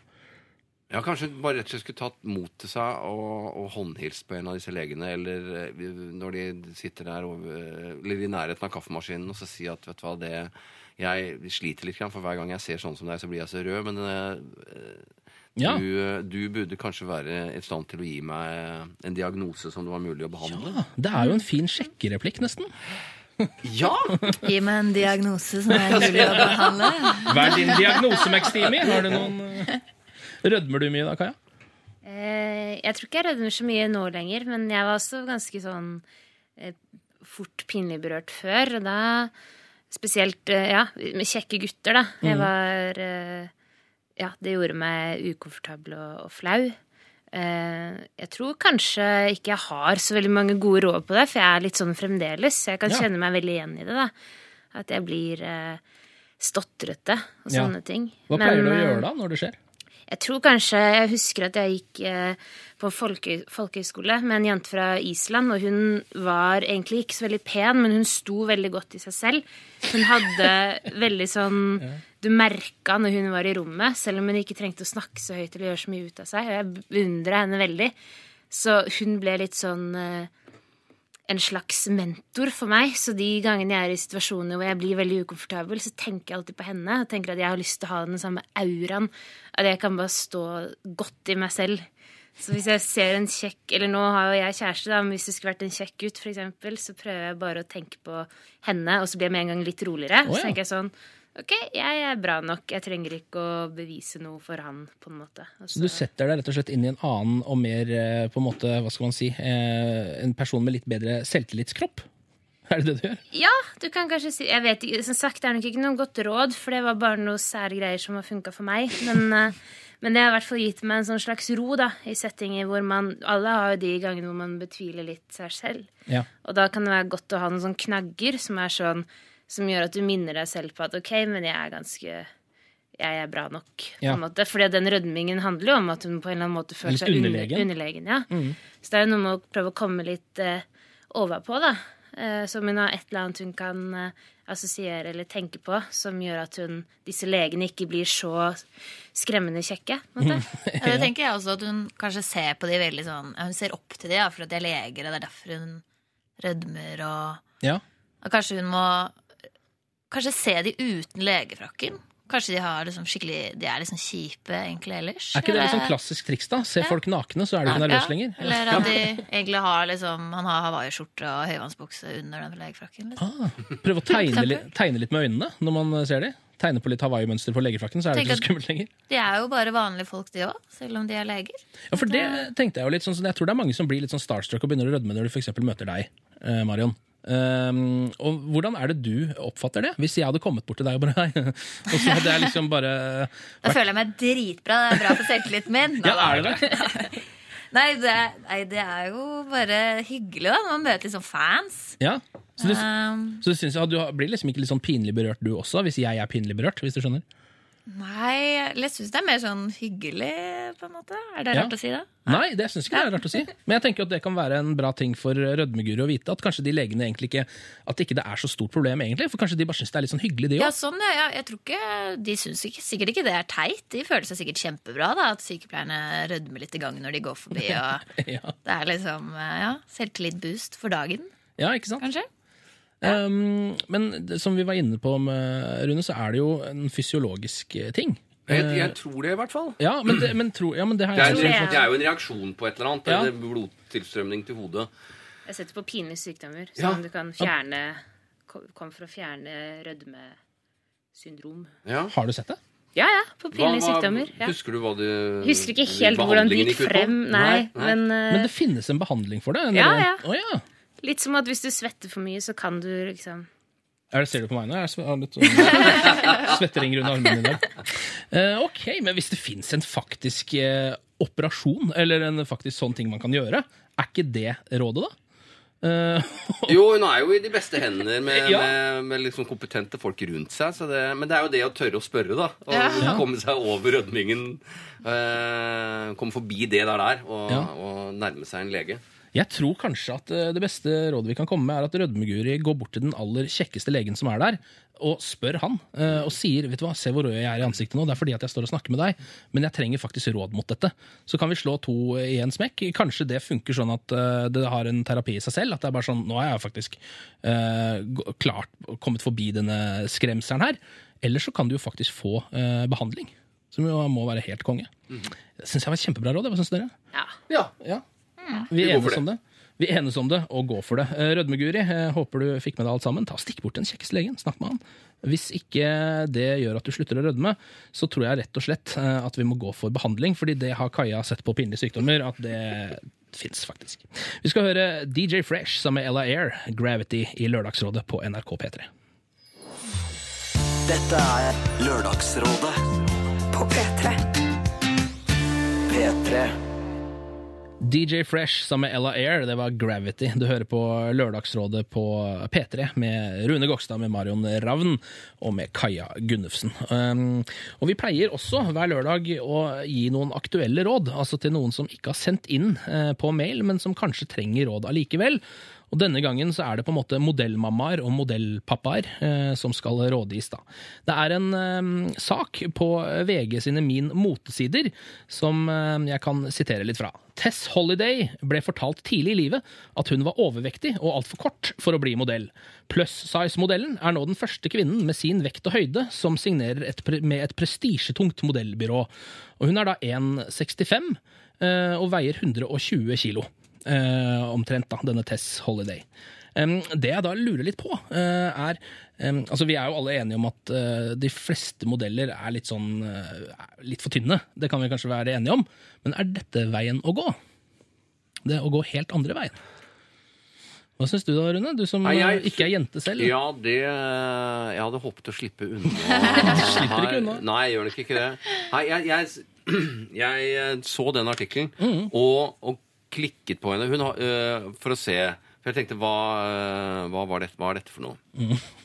Eh, og det er jo ikke til å stikke under en stol at hun er, øh, hun er Hun har en stor kropp. Ja, veldig stor. Um, og eh, med fare for å støte noen eh, hun, har, hun er jo såpass overvektig at, at, at det, det ble et misforhold for meg der. Hun hadde på seg, hun hadde på seg bikini. Um, og, og det var sånn estetisk sett eh, en, en liten utfordring å skulle, skulle se på henne som, som modell. Fordi hun, hun har en, en, en kropp som er såpass annerledes enn en de jeg har sett i den type klær tidligere. Ja. Um, så, så, så tenkte jeg, for, for hva, eh, hva er ja, hva er greia her? Ja. Jeg klarte liksom ikke helt Ut ifra det jeg leste der, så klarte jeg ikke egentlig å knekke noen kode, eller tenke hva, hva, for hva er det de vil hva, ja, det, hun, Jeg kan jo godt forstå at hun gjerne vil vise seg frem, Eh, men jeg ble litt sånn som modell, så tenkte jeg hva, hva skal hun hva, er, det hun skal fronte? Eh, så så det, det står igjen som et litt sånn åpent spørsmål f for meg fremdeles. Eh, og for å si det sånn, jeg brakte vel ikke noe, noe klarhet i, i saken. eh, utover at eh, jeg brukte to-tre minutter på å forklare noe som jeg ikke helt har tatt standpunkt til. Men, Jeg eh, syns at eh, Hvis jeg bare kan si det ja, fort, at det det på en måte har vært mangelvare på de seneste åra, har jo vært sunne forbilder. Og da kan du si at det blir jo definisjonsspørsmål med plus size, plus size models også. At Mm. du kan si det å det å være liksom litt freidig og ha et par kilo ekstra jo, kan jo gjerne være et sunnhetstegn, men når du, når du bikker Nå skal ikke jeg snakke om BMI og sånt, for det syns jeg er så kjedelig, men hvis hun er direkte svær, så, så blir da er det jo egentlig Det er bare en, en ekstrem bytta ut med en annen ekstrem. Altså, ja, du man bytter si- på en måte bare problem. ja, det Ja. løser jo ikke det sunne idealet man trenger å, å sette opp uh, feite modeller. Nei. Det er jo ikke ønskelig. Nei. Nei, for det, det er det jeg også liksom lurer litt på. Om det, er dette noe bedre signal til unge jenter? Eh, å være 120 kilo enn å være eh, Ja, for det er kanskje 20 heller kilo. ikke At det er kanskje like usunt som de tynne modellene, da. Ja, det det kan kanskje si. skulle vært en mellomting. Ja, Eh, Hadde jo eller hun Sof unnskyld, hadde hun Sophie Dahl, barnebarnet til, til Roald Dahl. Hun er også ferm. ferm. Eh, og det var liksom sånn innenfor en sånn begripelig norm, i hvert fall sett med mine øyne. Fordi hun, hun var eh, flott å se på, og så var hun, hadde hun noen kilo for mye, men, men som, som liksom ligger innenfor den derre normen som man liksom sånn omgås til daglig. Jeg så ut som et vanlig menneske. Ja, hun, ja, hun gjorde det. Hun var litt- tjukk. tjukk. Men, men, sånn, men sånn godtjukk. Og, og trivelig. Og så hadde hun jo et, et vakkert pen Det har jo hun, hun Tessa er- har jo hun har et godt og, og vakkert fjes. Men, mens, mens jeg, jeg synes det, det er veldig godt poeng det dere har der i forhold til at jeg tror du bytter ut liksom én sånn en, en fra den ene siden av skalaen til du går liksom, Det er liksom sånn i hver sin ende av skalaen, dette her, altså. Ja. Men jeg syns at det er veldig sånn eh, dårlig eh, ja, kroppsideal for tiden. Eller i Ja. media for oss jenter spesielt. Man blir jo helt eh, Ja, for det lurer jeg på. Jeg og Rune kan jo ikke, vi klarer jo ikke å sette oss inn i det, tror jeg, siden vi er menn. Men dere som er jenter, og unge jenter også, hvor påvirka blir dere av det? Kroppspresset, liksom. Hvis du går forbi en uh, Hennes og Maurits-plakat med en veldig tynn dame på, tenker tenker sånn. Eller er det sånn det der har jeg sett før, nå bryr jeg meg ikke om det lenger. Eller hva, hvordan reagerer dere? Man blir kanskje litt påvirket, men når man blir litt eldre, så klarer man jo å ha litt, få litt perspektiv på det, kanskje. Men Ja. det er jo verre når man er 16 år. Ja, ikke sant? Eh, For det var ikke så ille når jeg var 16 år. Nei. Så, og jeg føler jo egentlig noen ganger i media at eh, hvis det er en helt normal jente, så skriver de nesten at hun er plus size-modell. Ja. Og da begynner man å bli sånn hæ? Ja. Jeg synes jo Det blir litt sånn som jeg snakka med, med jobb i stad. At når jeg er blitt eldre nå, så har jeg skjønt at eh, OK, jeg, jeg er såpass glad i mat at jeg kan, jeg kan ofre et par kilo ekstra fordi at det er en så stor glede for meg. ja. Jeg har jo prøvd å vært på sånne diverse slankekurer og vært veldig mm, mer bekymra rundt det. Og funnet ut at det gir ikke meg Ja, For det øker kanskje ikke livskvaliteten din uansett? å gå til og tenke på det? Da er det bedre å ta Nei, seg og det, og det gjorde ingenting med vekta heller, egentlig. Jeg bare tenkte veldig mye på det, husker Ja. jeg. Tenkte masse på mat. Da blir man jo i hvert fall gæren, sant. Så, Ja, ikke sant? Men er litt sånn eh, rådet til modellmammaer og modellpappaer da, som vi skal ende på, er kanskje at um, det på en måte hjelper ikke å, å nå kjøre på med en 100 kilo, 120 kilos. Det er på en måte ikke sånn at da glemmer man alle de veldig tynne. Man burde kanskje heller prøve å gå for en slags uh, mellomvei her. Uh, ved å gi da mennesker som ser litt mer normale ut, litt mer uh, fotoshoots. Ja. Ja, det pussige er jo at liksom de, mange av de modellene, kvinnemodellene som, som man kan se, er, er ganske atypiske. Ja. Altså, og det kan, går ikke an å finne noe som, liksom sånn, som, som ligner litt grann på, på oss og dere, da. Eller kanskje bare modeller for alle kroppstyper. Ja. Ja. For det er jo, alle skal jo kjøpe klær. Ja, det er faktisk et veldig godt Det poeng. hadde vært fint. Det hadde vært veldig, veldig greit. Det er, veldig, eksempel, det er veldig tydelig at alt må tys til ekstremer. Den nye trenden nå har jo de siste åra har jo vært det her med du skal både være slank, men trent. Altså Det Ja. ser man jo veldig godt på sosiale medier. Det der treningspresset har jo nådd ekstreme høyder. litt sånn fitnesskropper. Ja, ikke sant? Og sånn spesielt blant jenter, at plutselig skal du ha veldig mye muskler. Og det igjen blir jo en sånn helt vrangforestilling, fordi at Nå har jeg akkurat sagt at det er dumt å være for overvektig, men det er jo også dumt å bli så trent at du skal være så og så mange timer hver dag på treningsstudio. Så det virker som at, at man kommer ikke utenom at man må ty til ekstremene i alle retninger, da. Ja, ikke sant? Men det er vel de ekstremene vi på en måte vil litt til livs også, er det ikke det? da? Eh, at det liksom sånn um, hvis, eh, hvis det hadde vært en mulighet for moteverden eh, å vise fram helt eh, vanlige jenter, så hadde jo alle følt seg litt bedre. Tror du ikke det? Hva tror du, Mari? Ja, jeg tror det. Du tror det? Vet du hva, Da er det dagens eh, tips til eh, modellbransjen. Um, det er ikke sånn at, dere liksom, at det veier opp at dere nå kjører på med 120 kg, selv om jeg ser at mange som heier på det. også, For det er sånn eh, Å ja, men nå tenker de andre, i andre baner. Men det blir liksom veldig ekstremt andre veien igjen, da. Prøv å finne noen som eh, ligger midt mellom eh, de to eh, typene dere liker å gå for, så er vi på vei et eller annet sted, tror jeg. Skal høre Ravel her i Lørdagsrådet, Wild Eyes, sammen med Broiler. Dette er Lørdagsrådet På P3. P3. Turbo Wolf, eh, Rabbits Foot heter låta, som du fikk i eh, Lørdagsrådet på NRK P3 denne lørdagen. Jeg heter Ken og er vikar for eh, Siri. Vi har følgende panel i dag. Marion Ravn, god lørdag. God lørdag. Rune Gokstad, god lørdag til deg. God lørdag til deg også. Og. Kaja Gunnufsen, god lørdag til deg også. Takk. Vi skal straks ta for oss et samboerskapsproblem her i Lørdagsrådet. Jeg tenkte vi kunne gå en runde rundt bordet eh, først og snakke litt om det er noen som har noen eh, Dere er jo alle eh, samboere, er dere ikke det? da? Jo. Jo. Ja, Så det bør jo være et eh, godt panel for å ta tak i dette problemet. Kaja, du er vel sånn representant for ganske sånn ferskt samboerskap også? Ja. Hvor lenge har dere bodd sammen? Vi har bodd sammen i litt over et halvt år. Et halvt år? ja. Akkurat kjøpt leilighet nå. Oh, ja, akkurat kjøpt Mm, ny vi har bodd i kollektiv, da, vi to. Oh, ja, Så det har ikke vært sånn bare dere, nei? Nei, Så det blir først nå? det blir først nå, ja. Har det vært noen startvansker i samboerskapet deres, eller? Eh, Ja, det jeg kanskje syns har vært mest vrient, er at eh, jeg eh, Sånn er man jo forskjellig, men jeg er nok mer glad i å ha det ryddig enn han. Samtidig som at jeg er veldig var på at jeg ikke vil være hun kjerringa som blir litt sånn mamma. Ja. Å finne den balansen der har jeg slitt litt med. da At jeg ønsker ikke å, å la det gå forbi. Som, samtidig som at hver gang jeg sier ifra, så hører jeg meg sjæl utenfra. at Nå er jeg blitt hun som jeg aldri skulle bli. Jeg tror veldig ofte når man er sånn som det der, så ender man opp med å bli den personen som rydder bare masse selv. Ja, Men da kan man bli litt sånn bitter òg i lengden. ikke sant? Plutselig kommer du ut på helt feil måte. Så det, den der er litt tricky, syns jeg. Rune vært den som har vært i samboerskapet lengst her. Ja. Og det, det har gått seg til, det, altså. Ja. Eh, jeg, jeg tror også Min kone og jeg er litt sånn forskjellige på, på dette med rydding. Eh, men det er, tror jeg for, fordi vi opplever det forskjellig. Altså vi ønsker å at, Eller vi opplever det å ha det ryddig på forskjellig eh, måte. Hvordan opplever du det? Ja, det er jeg usikker Nei, det, hun legger fra seg ting der som jeg skulle ønske at vi ikke la fra oss ting. Og så vi, har vi noen sånne soner hvor vi eh, har begge to. Og så, og så er det noen steder hvor jeg legger fra meg, hvor hun ikke vil. Ja. Og nå har vi, Den siste diskusjonen nå er eh, rent tøy. Eh, hun vil ikke at jeg legger rent tøy på, seng, eh, på gulvet ved siden av sengen. Mens jeg vil ikke at hun legger fra eh, det rene tøyet som ikke er bredt sammen, oppe på en kommode ved siden av sengen min. Så jeg har sagt men du kan få legge det på gulvet ved siden av sengen. Gjør det. Ja, men- mener du det? Ja, gjør det. Og så kom jeg da, gikk rundt sengen, og der lå alt tøyet. Og det synes jeg, så ble jeg, jeg kvapp litt.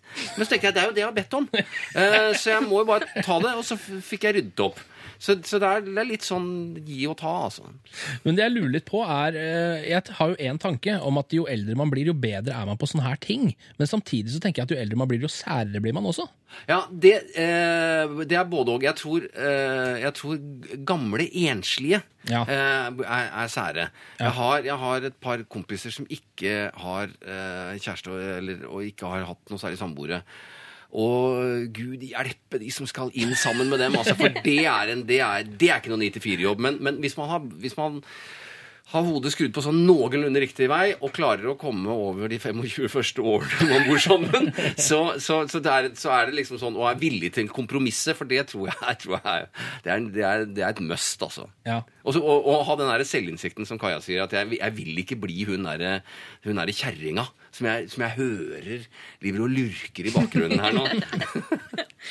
Marion, eh, hvordan har samboerskapet deres vært? Er det sånn at du eh, stadig må ta Er det kamper hver dag? Det er ikke kamper hver dag, men det kommer sånn innimellom. Ja. Så det siste problemet vi hadde, var vel at mannen min sa Du, Marion Han lurte på Han er veldig snill, da.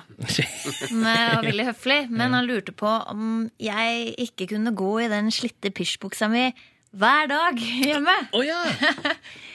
For det gjør Eh, du. For han kjøpte meg litt sånne yoga pants i julegave, da. Som et slags hint. Så det er liksom dilemmaet nå, da. At jeg syns det er veldig deilig å gå i den pysjbuksa. At du koser deg for mye hjemme i dine Ja, egne klær. han vil helst at jeg skal gå i sånn trang eh, yoga-tights. Hva er det største problemet med han, da? Har du, hva er det du har tatt opp med han som har vært sånn Nå må dette slutte. Uh, altså, det høres jo ikke ut som et problem for andre, og sikkert i hvert fall ikke for deg etter det du sa nå, Kaja, men han er veldig ryddig. Så hos oss er det omvendt. Eh, At det, skal, det ser ut som vi har, at vi skal ha visning liksom, hver dag. Det skal være sånn. Eh, og veldig minimalistisk, så det skal ikke stå noe på kjøkkenbenken. Og, mens jeg er litt sånn, jeg liker litt sånn rot. da Jeg blir veldig inspirert av det, egentlig. Ja, men jeg skjønner hva du mener. Er det sånn, blir det ikke litt sånn uh, hjemmekoselig av litt rot og litt greier som henger, ligger litt rundt omkring? Jo, jeg liker det, da. Ja. Så, eh, så drømmen er at når vi en gang får oss hus, så skal jeg ha et sånn skriveloft hvor det er bare kaos. Med masse bøker og støv og instrumenter. Og, og der skal jeg sitte og skrive, og så kan han uh, være i første etasje med en sånn liten støvsuger. Sånn.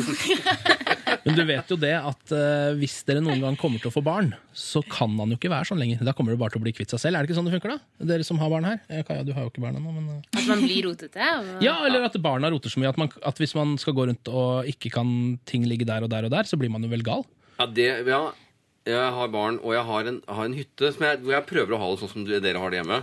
Eh, og jeg prøver å ha orden på. Det, er liksom, det universet er så lite at det, jeg klarer det. Og så er jeg der av og til alene, og da klarer jeg det i hvert fall. Eh, og så hadde jeg en sommer hvor jeg, jeg tenkte jeg vil, jeg vil ha det sånn som jeg har det når jeg, av og til er der ute alene. Og så, så jeg gikk og ryddet hele tiden. Og så måtte jeg stoppe opp og tenke vet du, nå, nå, ba, nå bare går jeg rundt og stresser. Fordi nå, og det er ingen som har det hyggelig. Ikke jeg heller. For det første, for de roter jo hele tiden. Så jeg flyr jo rundt som en sånn der, en, en, sånn derre- en katt som er helt uten mål. Eller som, som en katt som, som, som du, du har en sånn der laserpenn som du flyr opp Ja. til veggen med. ikke sant? Sånn var jeg. Og så fant jeg at nei, vet du hva, det nytter ikke. Det, for det, det, det, det, er jo ikke en operasjonssal, dette her. Det er en hytte, så vi må jo ikke ha det sterilt. Det kan, være, det kan du ta med deg hjem med Marion. Bare si det, dette er ikke en operasjonssal. Vi trenger ikke ha det så sterilt. Men plusset mitt er jo at han er veldig mye borte da på vinteren, for han er jo snowboarder. Ja, det er jo et pluss. Så da har jeg det kjemperotete. uh, og så kommer han jo hjem eh, snart, så nå må jeg begynne å rydde, da. Og gjøre det visningsklart. Det er den følelsen da. Nå er det snart visning, nå må jeg rydde opp. Vi skal eh, ta for oss et eh, samboerskapsproblem. Eh, først så skal vi høre på denne låta her fra Alicia Keys og JC. Du får Empire State of Mind. Dette er Lørdagsrådet På P3. P3. Du hørte Empire State of Mind. Det var JC og Alicia Keys i Lørdagsrådet på NRK P3. Rune Gokstad, Kaja Gunnufsen og Marion Ravn det er dagens eh, rådgivere her i Lørdagsrådet.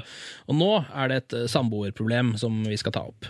Kjære rådgivere, jeg har et aldri så lite problem. Jeg skal flytte sammen med kjæresten min eh, etter at vi har vært sammen i nesten tre år. Problemet er at jeg ikke liker noen av møblene i leiligheten. Alt fra sofa til veggklokke og TV-benk. Flere ting er gaver fra hans besteforeldre. Han har tidligere bodd med en kompis som nå flytter ut. De to var på møbelshopping sammen og har nå tre forskjellige stiler i ett og samme rom. Vanligvis har han god stil, men her har han bomma. Skal jeg si fra, eller skal jeg bare la det være som det er? Klem fra samboerjomfru. Please, ikke nevn navn, står det. Eh, Hva tenker dere da, Kaja, du som eh, er i ferd i å gå inn i dette vepsebordet her? Var det sånn at hun skulle flytte inn til han? Eller? Virker sånn? Ok, Så de skal ikke få sitt eget sted? Nei. Nei. For det er jo lettere hvis man begynner med blanke ark. For det har jeg og kjæresten min snakka veldig mye om. Ja. nå, når vi flytter ut nå, så blir vi kvitt Ja, vi begynner på scratch, oss to. Og da må man jo ta avgjørelser sammen. Men hvis hun flytter inn, så stiller hun jo selvfølgelig mye svakere. Mm. Ja. Og da må hun jo sikkert svelge en del kameler, da. Ja. Og det er ikke sikkert Eller hvis det allerede var tre stiller der, så er, gjør det jo kanskje ikke noe om hun kommer inn med litt av sin stil òg, men det vil jo aldri bli stillreint. Det høres jo ut som hun bare må akseptere det litt. Ja, ja, for det er ikke lov er det, for, er det fordi at det ikke er lov å gå inn i noen andres hjem og begynne å endre på det? Er det det du tenker? Eller for mye? Ja, eller jeg vet ikke. Det blir jo litt sånn Man må jo finne et kompromiss, da. Igjen blir det der gi og ta-greiene. Men, mm. men eh, hvis han allerede bor der, har sin greie gående, og hun kommer inn og krever at alt skal ut, og det skal være på hennes måte, så er, er det jo stor fare for at hun på en måte vil bli litt, litt bitch, da. Ja. ja for det, um, jeg tenker også det, eh, Marion, at i starten av et samboerforhold så er vel det kanskje ting litt sånn delikat. Eh, at begge tar og kjenner litt på hverandre eh, og prøver å finne ut av ting. At det er litt sånn der, Hvis han for eksempel skulle tenke eh, hvis ikke vi klarer å bli enige om møbler engang, så er det ikke liv laga. Skjønner du hva jeg mener?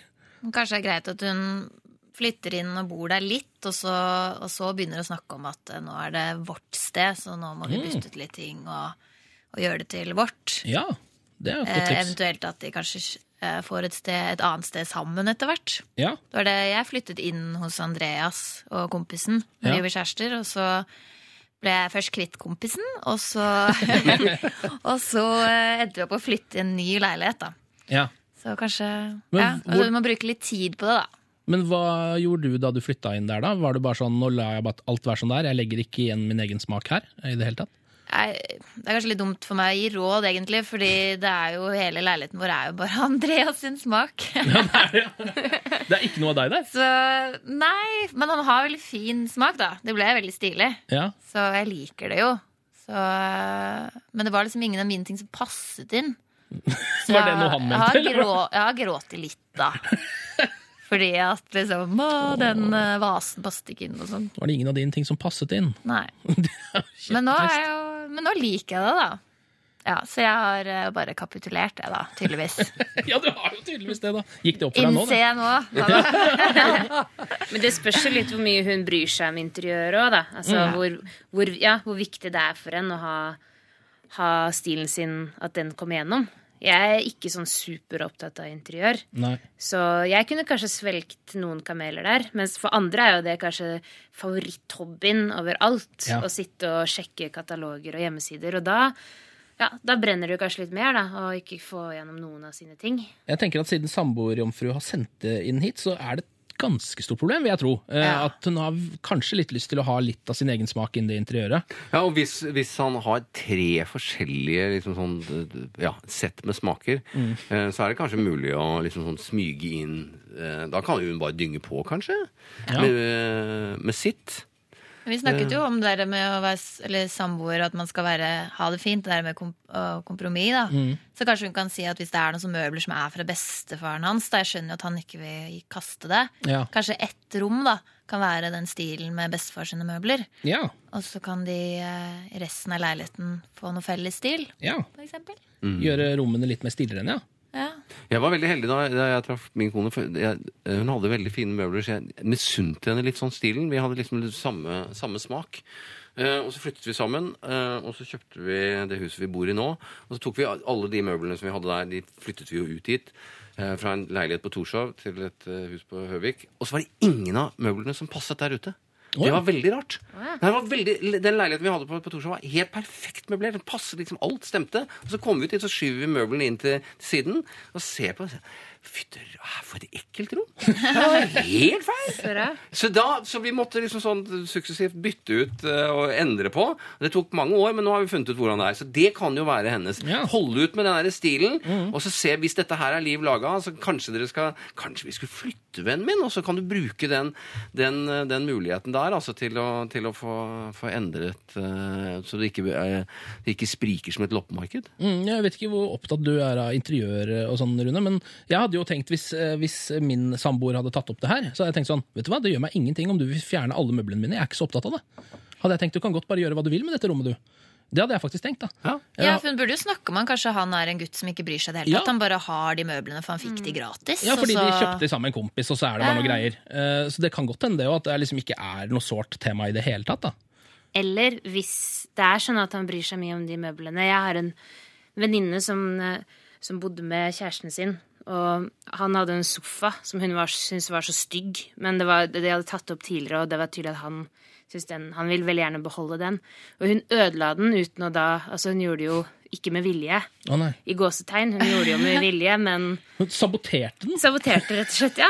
Og den måtte jo den ut. Så hun kan, det kan jo også være en løsning. Å begynne å småsabotere alle møblene. Ja. det, ja, det er en slags, det er en veldig anarkistisk og fin løsning. Få en katt som skraper opp alt sånn. Det. Ja, eller kjøpe en sånn termittkultur på nettet. antar. Gå inn på termitt.com eller et eller annet sånt og kjøpe noe. Få inn en god termittkultur. Ja, eller en, eh, en eller godartet en. En godartet en. Eh, ellers så tror jeg at uh, samboerjomfru bør eh, følge følgende råd. Prøv først å spør eh, om de møblene. Se hvor mye det har å si for han. Hvis det virker som han er opptatt av de, så kanskje du skal la det være en stund. Og så kan du sakte, men sikkert eh, etter hvert si at nå skal vi gjøre dette til vårt eget. Så kan dere sammen kjøpe inn eh, møbler, bli enige om det. Um, og gjøre, eh, innrede deres egen kåk på den måten. Men det er ikke sikkert at han syns det gjør noe hvis du forandrer på alt heller. Du må nesten bare prøve å ta det opp med han, faktisk. Det tror jeg blir eh, rådet til samboerjomfru i dag. Vi skal høre på High As A Kite. Du får Lover, Where Do You Live? P3 Dette er Lørdagsrådet på P3.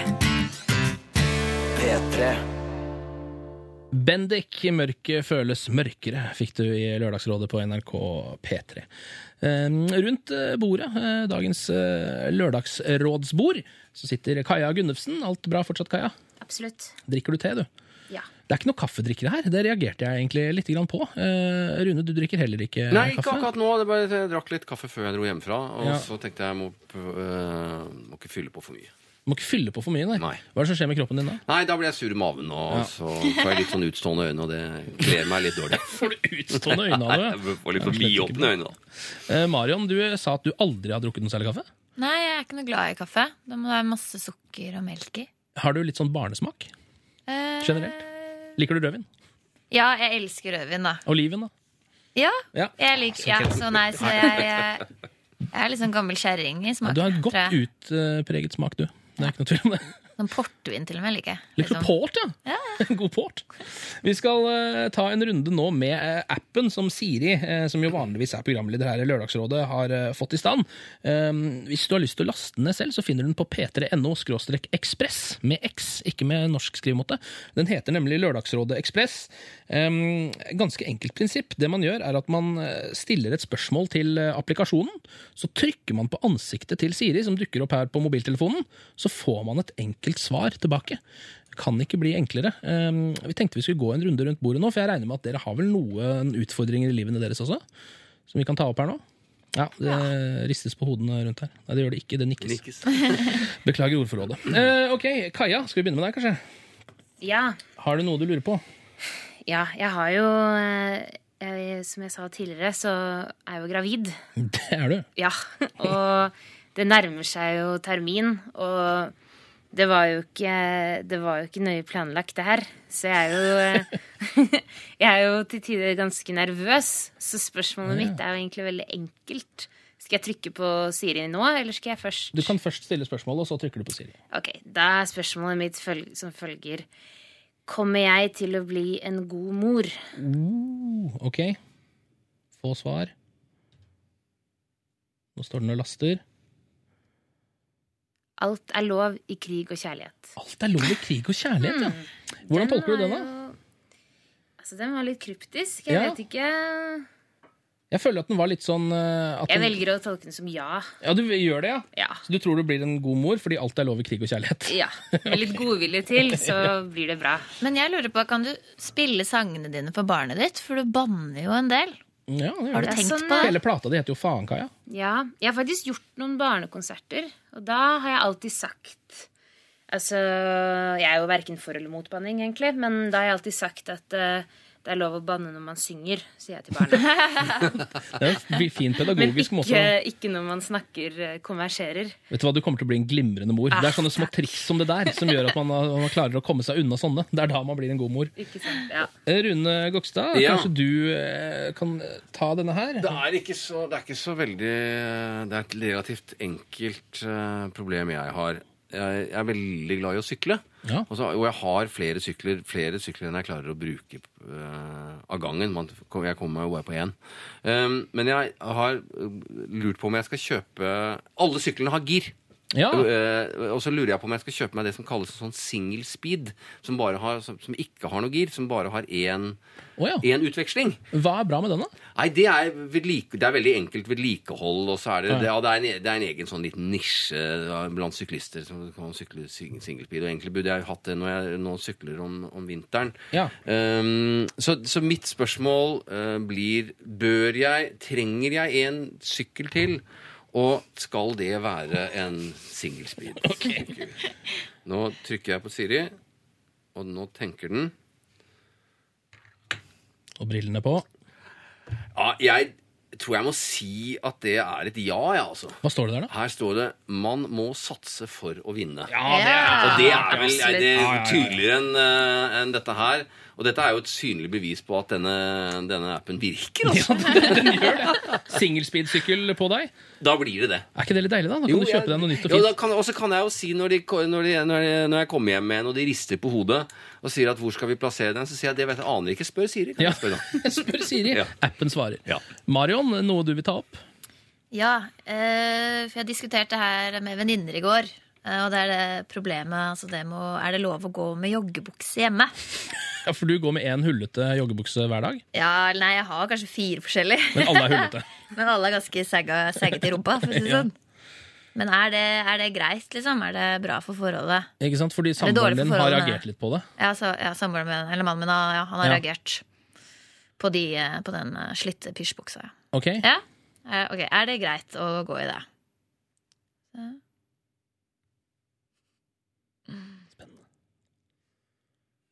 Drit i alle konsekvenser og gjør det som gjør deg glad! Vet du hva? Sjelden har denne Den applikasjonen har aldri fungert så bra som nå. Eh, Den ga klare gode svar nesten hele veien. Kanskje litt kryptisk på deg, Kaja, men du fant det ut av det, du Ja, òg. men det var det jeg ville høre. Det er veldig bra. Og jeg ble veldig fornøyd. Marion kan gå så mye med joggebukser som hun bare vil. Rune Gokstad kan kjøpe seg single speed-sykkel. Og Kaja, du kommer til å bli en kongemor. Det er det vi fant ut ved dagens applikasjonsrunde. Nå får du The Killers, When You Were Young. Dette er Lørdagsrådet på P3. P3. The Killers, When You Were Young. Du hører på Lørdagsrådet på NRK P3. Jeg heter Ken, eh, og eh, er ikke Siri Kristiansen. Det har du kanskje hørt. Siri har tatt seg en liten ferie.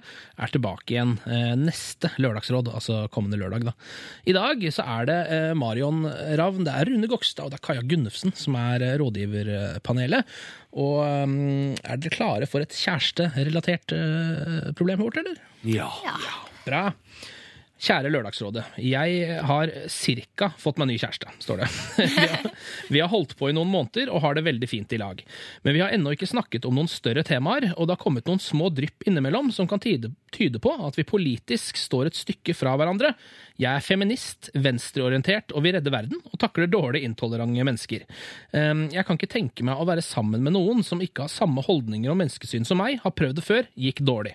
Men hvordan finner jeg ut av dette før det har gått for langt? Han er ikke en som begynner å diskutere med sånt uten videre, han er mer en sånn som sier hm, og så ikke noe mer. Eh, Hvordan får jeg ham i tale? Hilsen politisk korrekt kjerring. Er det noen som kjenner seg igjen i det her, eller?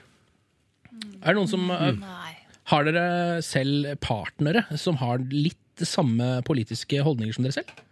Absolutt. Ja, du har det? Jeg har alltid vært av den typen som Ja, litt sånn like barn leker best-mentalitet. Ja. Både i venner og kjærlighet. Ja. Søkt litt mot det. Eller jeg har vært Ja, jeg skjønner eh, problemstillingen hennes. Det har alltid betydd litt for meg òg. Ja. Altså, det handler jo om Man kan jo ha helt uenige meninger, men det er noen sånne grunnverdier da, som jeg syns er ganske ok at man deler. Mm. Eh, og det kan jo ofte være en del grunnverdier i politikk òg.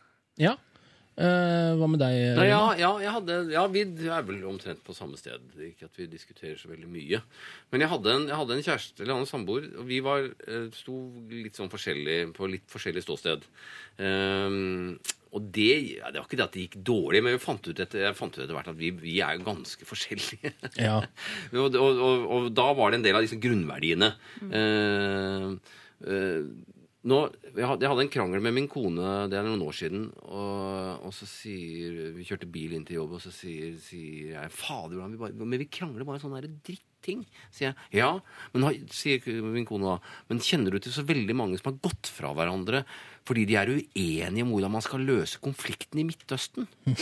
Skjønner du? Så det er, det er, det er, det ofte ikke liksom nødvendigvis det der politiske ståstedet som, som, Ja. som gjør at man, at man går fra hverandre. Nei. Men det er jo, ikke, det er jo, det jo lurt å, å ha en sånn derre- ha en felles eh, plattform. Mm. Hvis man hvis du er Frp-er og RV-er, ja, ja, nei, da er det kanskje en del ting som gjør, gjør det litt vrient, i hvert fall. Ja, fordi politisk eh, syn eh, kan jo også noen ganger eh, farge andre standpunkter i livet, på et eller annet vis. da. Hvordan er det med deg, Marion, og din ektemann? Jeg er litt der også at det er sånn grunnverdier som er viktig.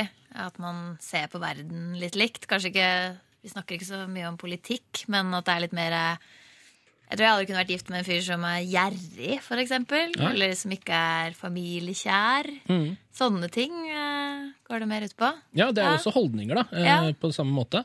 Um, Samtidig så har jeg alltid hatt litt romantisk bilde av det å, å ha en partner eh, som kan være sånn fin Sitte med rødvin og ha sånn litt int ja, Enten kvasi-intellektuelle eller politiske samtaler med litt rødvin og sånne ting. og at man kan- faktisk er litt uenige. Ja, for du kan si hvis sånn som eh, jeg og min kjæreste, vi stemmer begge samme parti, vi er egentlig relativt like. Da er det ikke noe, det er ikke noe gøy å diskutere med en du har en helt lik oppfatning med. Men, eh, så den der lille brodden, altså ikke at den ene er konsekvent for innvandring og den andre er mot innvandring, men at du kan finne noen sånn litt uenigheter, da, syns jeg også kan virke litt sånn spennende i et forhold. Ja, ja. Men hun, hun lurer jo også på hvordan hun skal få lokket ham ut. Altså Ja. Hvordan hun skal få Ja. lirka det ut av han. Altså, Rødvin er jo egentlig en veldig god idé. Ja, absolutt.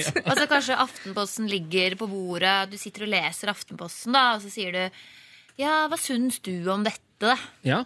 Og Litt mer sånn konkret, da. ja. Etter han har drukket litt rødvin. litt rødvin og så et eh, litt sånn eh, Oi, der ligger Aftenposten! så kanskje han kommer i tale. Um, for det er jo akkurat det. Hvordan liksom uh, Hvordan skal han få han til å si noe politisk, når han tydeligvis ikke er en sånn som tar opp sånne ting selv i det hele tatt? da? Hun kan jo også kaste ut en sånn skikkelige brannfakler. Altså noe hun kanskje egentlig ikke mener selv, men bare for å trigge et eller annet. da. For å teste han. Ja, si liksom 'fy faen, jeg syns romfolk er noe dritt'. Mm. Bare for å se om han da Er enig i det. ja, vekker det et eller annet i han. Mm. Fordi hvis hun holder det, hvis hun har bare ymta, så hvis, med mindre man er spesielt politisk engasjert, så er det kanskje ikke nok til at man gidder å, å begynne å snakke om det. Så Mm. hvis hun da bare går litt i bresjen med noen heftige spørsmål Det er veldig morsomt. Min, min svoger gjorde det med meg for, for noen år siden. Uh, vi begynte å diskutere bro over Drøbaksundet eller ikke. Uh, han var for, og jeg var imot. Eh, og jeg aste meg noe voldsomt opp. Og han, eh, han, han hadde tatt initiativet, så han, egentlig, han, bare, han bare surfet på den sånn bølga av irritasjon og sinne som jeg eh, skapte.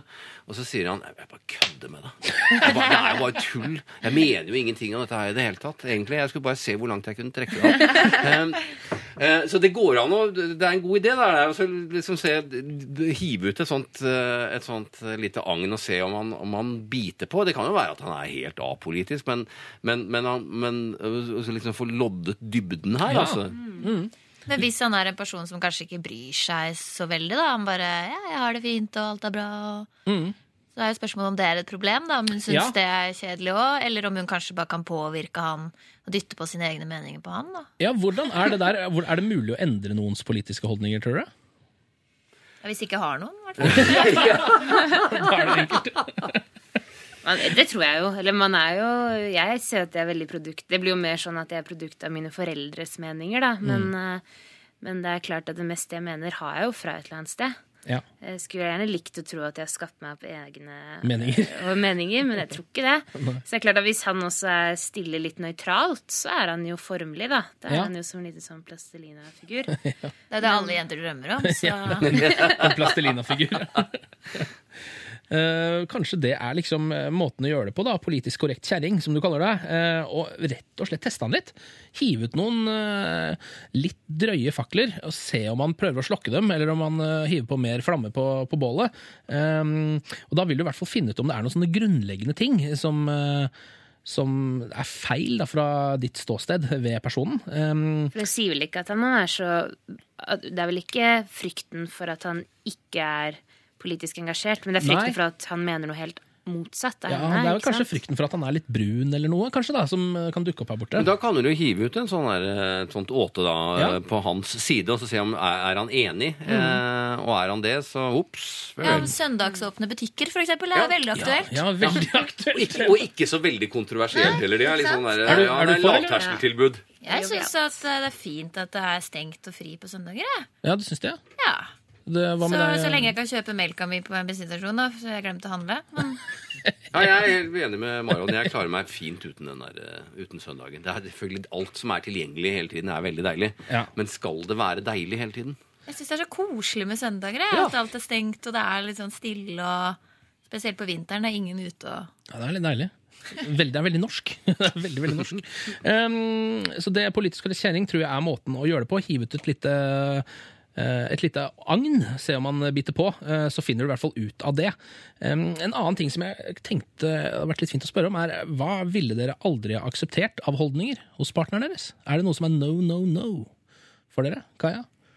Eh, igjen litt jeg sa med at jeg forma mye av foreldrene mine, så har jeg vokst opp med begge to jobber i, med miljøvern. Ja. Så jeg tror nok at det Man må jo velge sine kamper.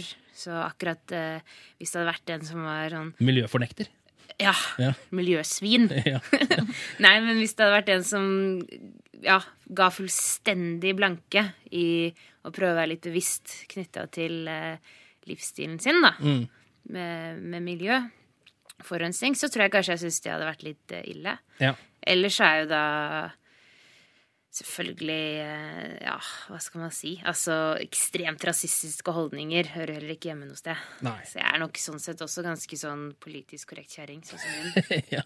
Hva med deg, Rune? Er det noe Nei, du aldri da- ville akseptert? Ja, datteren min kom hjem. Hun var, går siste år på videregående og hadde vært på Stortinget i dag. Og da hadde jeg lurer på om det var der hun hadde plukket opp, eller om det var i en eller annen time, at 12 av eh, norske barn som har blitt spurt, eller ungdommer, eh, var skeptiske til jøder.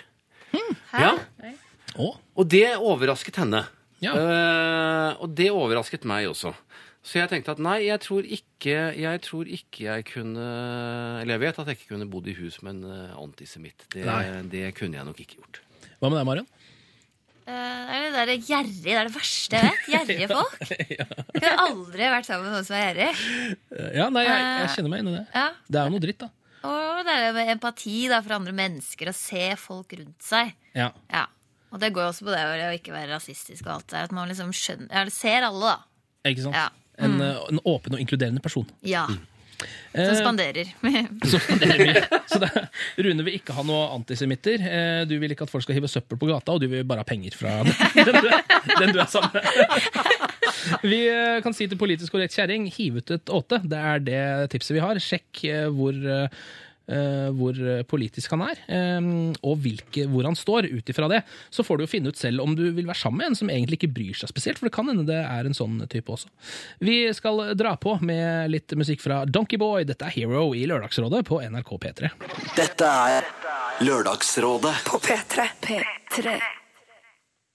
Kyla Lagrange var det du hørte i Lørdagsrådet Cut Your Teeth, og det er Kygo, eh, vår egen, som har vært og remixa den der.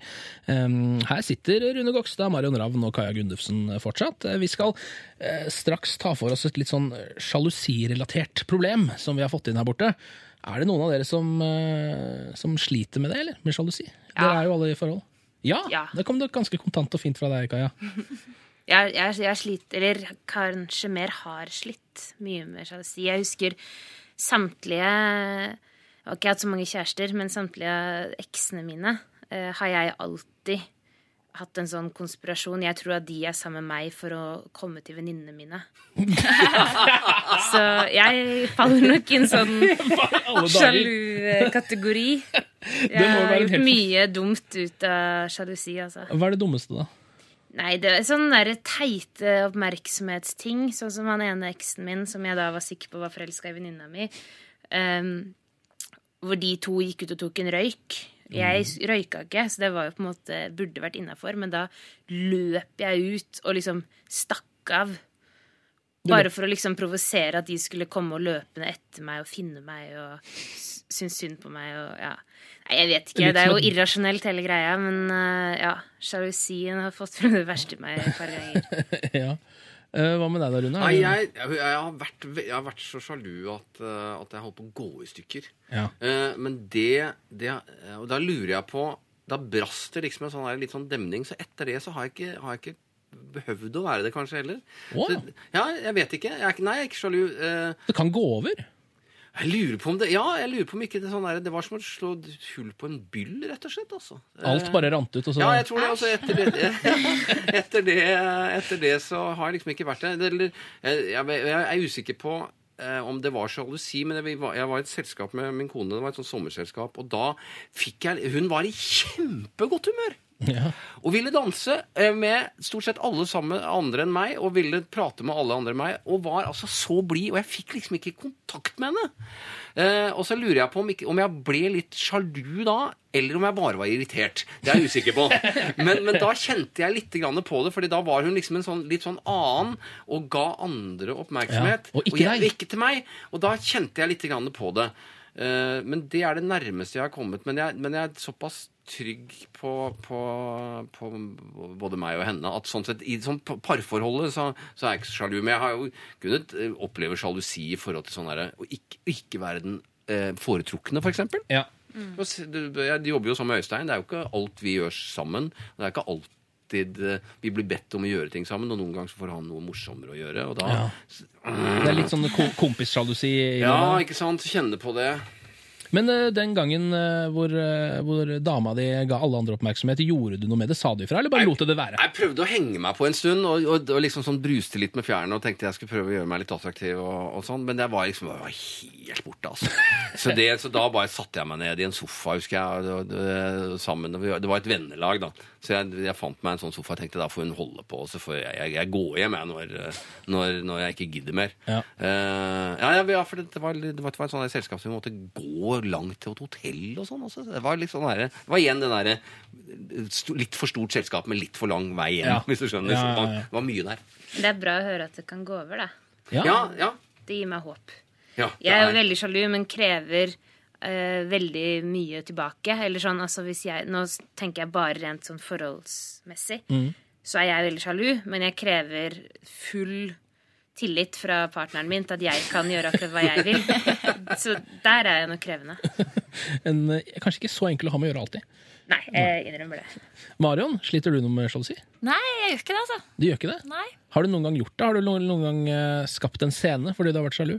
Nei, jeg tror ikke det. Aldri, nei. Nei, Jeg føler at jeg er ikke så veldig sjalu av meg. Er det selvsikkerheten som gjør at du ikke er det?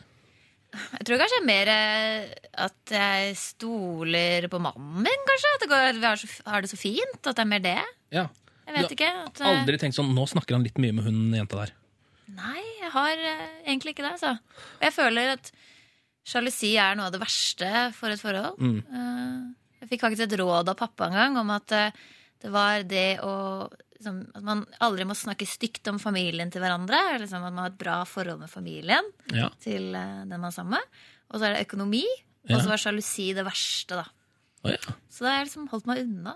Og du har klart å følge de, det rådet, eller? Ja, føler det, altså. Jeg Det er- syns det var bra råd. Det er lort, eh, lurt å følge gode råd, og vi skal prøve å gi eh, noen av de selv også, fordi nå er det et sjalusiproblem som skal tas opp. Først skal vi høre på Tove Lo sammen med Hippie Sabotage. Du får Stay High Habits Remix.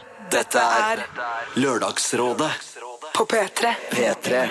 Stay High, det var Tove Lo sammen med Hippie eh, Sabotage her i Lørdagsrådet på P3 med Marion Ravn, med Rune Gokstad, med Kaja Gunnufsen og med meg, Ken Vasenius Nilsen. Og nå er det dagens aller siste problem som skal legges på bordet, og vi skal prøve å komme med eh, gode råd. Det er en eh, litt lang mail, så heng med. Hei, Lørdagsrådet. Jeg har et problem som jeg håper dere kan hjelpe meg med. Jeg og kjæresten har vært sammen i fire-fem år, og har bodd sammen i ett og et halvt. Vi har stort sett et godt forhold, og jeg er veldig glad i ham, men det er én ting som surner forholdet til. Han er ganske sjalu. Det har tatt lang tid for han å akseptere at jeg har guttevenner som jeg liker å henge med. Helst ser han at jeg er sammen med venninnene mine. Eh, nå har jeg fått en ny venn på universitetet, som han ikke går på fordi han jobber, og han aksepterer ikke dette vennskapet overhodet. Grunnen er at vennen min flørta litt i starten. Etter at jeg hadde bedt han om å slutte med det et par ganger, så stoppa han. Denne vennen er en god venn, en man kan snakke åpent med, ha et laidback-forhold til, og ikke minst eh, ta med og bli bedt med på ting av. Fordi han er en aktiv person. Kjæresten min jobber jo, eh, og har ikke like fleksible tider som meg, som er student. Jeg har ingen følelse for vennen min, så klart, men det er fint å være venner. Gode venner gror jo ikke akkurat på trær. Alt i alt koker problemet ned til dette. Han vil at jeg skal slutte å snakke med vennen min fordi han føler seg usikker og stressa når jeg er med ham. Jeg vil ha vennen min, og syns ikke han har rett til å diktere hvem jeg skal være sammen med og ikke. Det er nesten umulig å snakke om problemet med ham fordi han alltid blir sur, mutt og passiv-aggressiv når jeg bringer det opp. Han viser ikke tegn på å ville inngå kompromisser, og vil heller ikke møte vennen min personlig. Hva skal jeg gjøre? Hilsen fortvila 21. Ja, er det noen av dere som eh, Kan jo begynne i den enden? Er det noen her som skjønner at denne gutten er sjalu? Ja. Ja, det er begripelig. Ja. Det er det. Vanskelig det der med nye venner av motsatt kjønn, altså. Ja. Selv om jeg ikke sliter så mye med sjalusi, så Ja, men er det så noe at du fikk et lite Ja, det er liksom noe sånn Hvis plutselig liksom Andreas fikk liksom sånn skikkelig bestevenninne på snowboard, liksom. Ja. Da hadde jeg blitt litt sånn Ja, for sånn er det jo her. Hun, hun går jo på dette universitetet, Ja. og de møtes der, som da ikke er der hvor gutten er, for han er og jobber. Så han er et helt annet sted, liksom. Det er, men det er fælt å si det, men det er jo noen mennesker man anser som litt større trussel enn andre òg. Mm. Så hvis, hvis hun er på en måte en, en person du anser som Hei, kommer det aldri til Jeg veit at ikke det kunne skjedd noe, så er det litt tryggere. Ja. Eh, det, er veldig, det er en veldig, veldig overfladisk ting å si, men det går jo ofte rett og slett på utseendet. Jeg syns Ja. det er vanskeligere når kjæresten min har pene jentevenner enn stygge jentevenner. Jeg må jo, det må være lov ja, å det si. er helt lov å si. Jeg tror det er veldig mye, veldig mye sannhet i det. Selv, det er jo litt sånn, det kommer jo litt an på det òg, da. Om han, eh, han kompisen hennes er en, en kjekkas. Og ja, han har drevet og flørta litt med henne tidligere og sånn. Mhm. Da er man jo gjerne litt hunk. Og Ja. da skjønner jeg jo at det er liksom ubehagelig for han kjæresten, da. Ja, for hvis dette her hadde vært en film, da, så hadde jo følgende ting skjedd. Eh, Da hadde, eh, sakte, men sikkert, så hadde hun eh, dama her blitt sammen med han fyren på skolen. Fordi han andre fyren han bare jobber og er ikke der hvor jeg er og har ikke tid til meg, osv. Og bare er sjalu. Og bare er sjalu hele tiden og er bare sånn sur jobbefyr som ikke holder på med noen ting. Mens han fyren her kan jeg snakke med og er laid back og bla, bla, bla. Hun sier jo veldig mye bra ting om han. Så det er jo på en måte sånn, jeg føler jo at sjalusien har en slags sånn uh, grobunn her. Jeg skjønner jo hvorfor den er der. Han er sikkert interessert du. egentlig. Han har flørta, ja. med henne, i hvert fall. Mm, Og måtte si fra et par ganger. Ja. Ja, men uh, jeg synes jo det er litt, det er litt sånn skumle tendenser hos denne samboeren som uh, såpass uh, tidlig i livet skal begynne å styre henne. Ja. Og styre vennene hennes. Det der der er en det er, ikke, det er ikke en bra vei å gå. Det er ikke en god egenskap å ha det som denne samboeren har. Han vil, han vil ikke snakke om det, han vil ikke møte ham. Det er liksom sånn uh, Og da, hvis han, hvis han vinner den kampen der, så, så er de to på vei et sted hvor, hvor, hvor han tar litt mer styring over livet hennes enn han strengt tatt bør gjøre. En, og strengt tatt eh, enn hun bør la ham gjøre. Ja. Eh, Altså, eh, det er en vrien situasjon, selvfølgelig, og jeg skjønner det veldig godt. Ja, at ja, de to spiller liksom sånn her på en banehalvdel som han ikke har tilgang til. Og det skjer, og han har prøvd seg. og og i det hele tatt sånn. Men, men den er, den er det å skulle, eh, det å skulle liksom sånn, legge sånne føringer Du får ikke lov å være sammen med han. Uh, hva, hva, er det, hva er det neste gang da? Ja, ikke sant? Og det må jeg bare si fra, fra et sjalu ståsted, siden jeg er sjalu. Så forskjellen her er jo at han ja, nettopp ikke vil snakke om det. Jeg har i hvert fall nok selvinnsikt til at jeg skjønner at det er et reelt problem i et forhold. Ja. Hvis den ene er supersjalu. Så du snakker om det, i hvert fall. Jeg snakker om det, og til mitt forsvar så er jeg sjalu på på en måte veldig mange ting i livet. Altså Ja. ikke bare i kjærligheten. jeg kan være sjalu Søsteren min ble gravid rett etter meg. Da ble jeg kjempesjalu.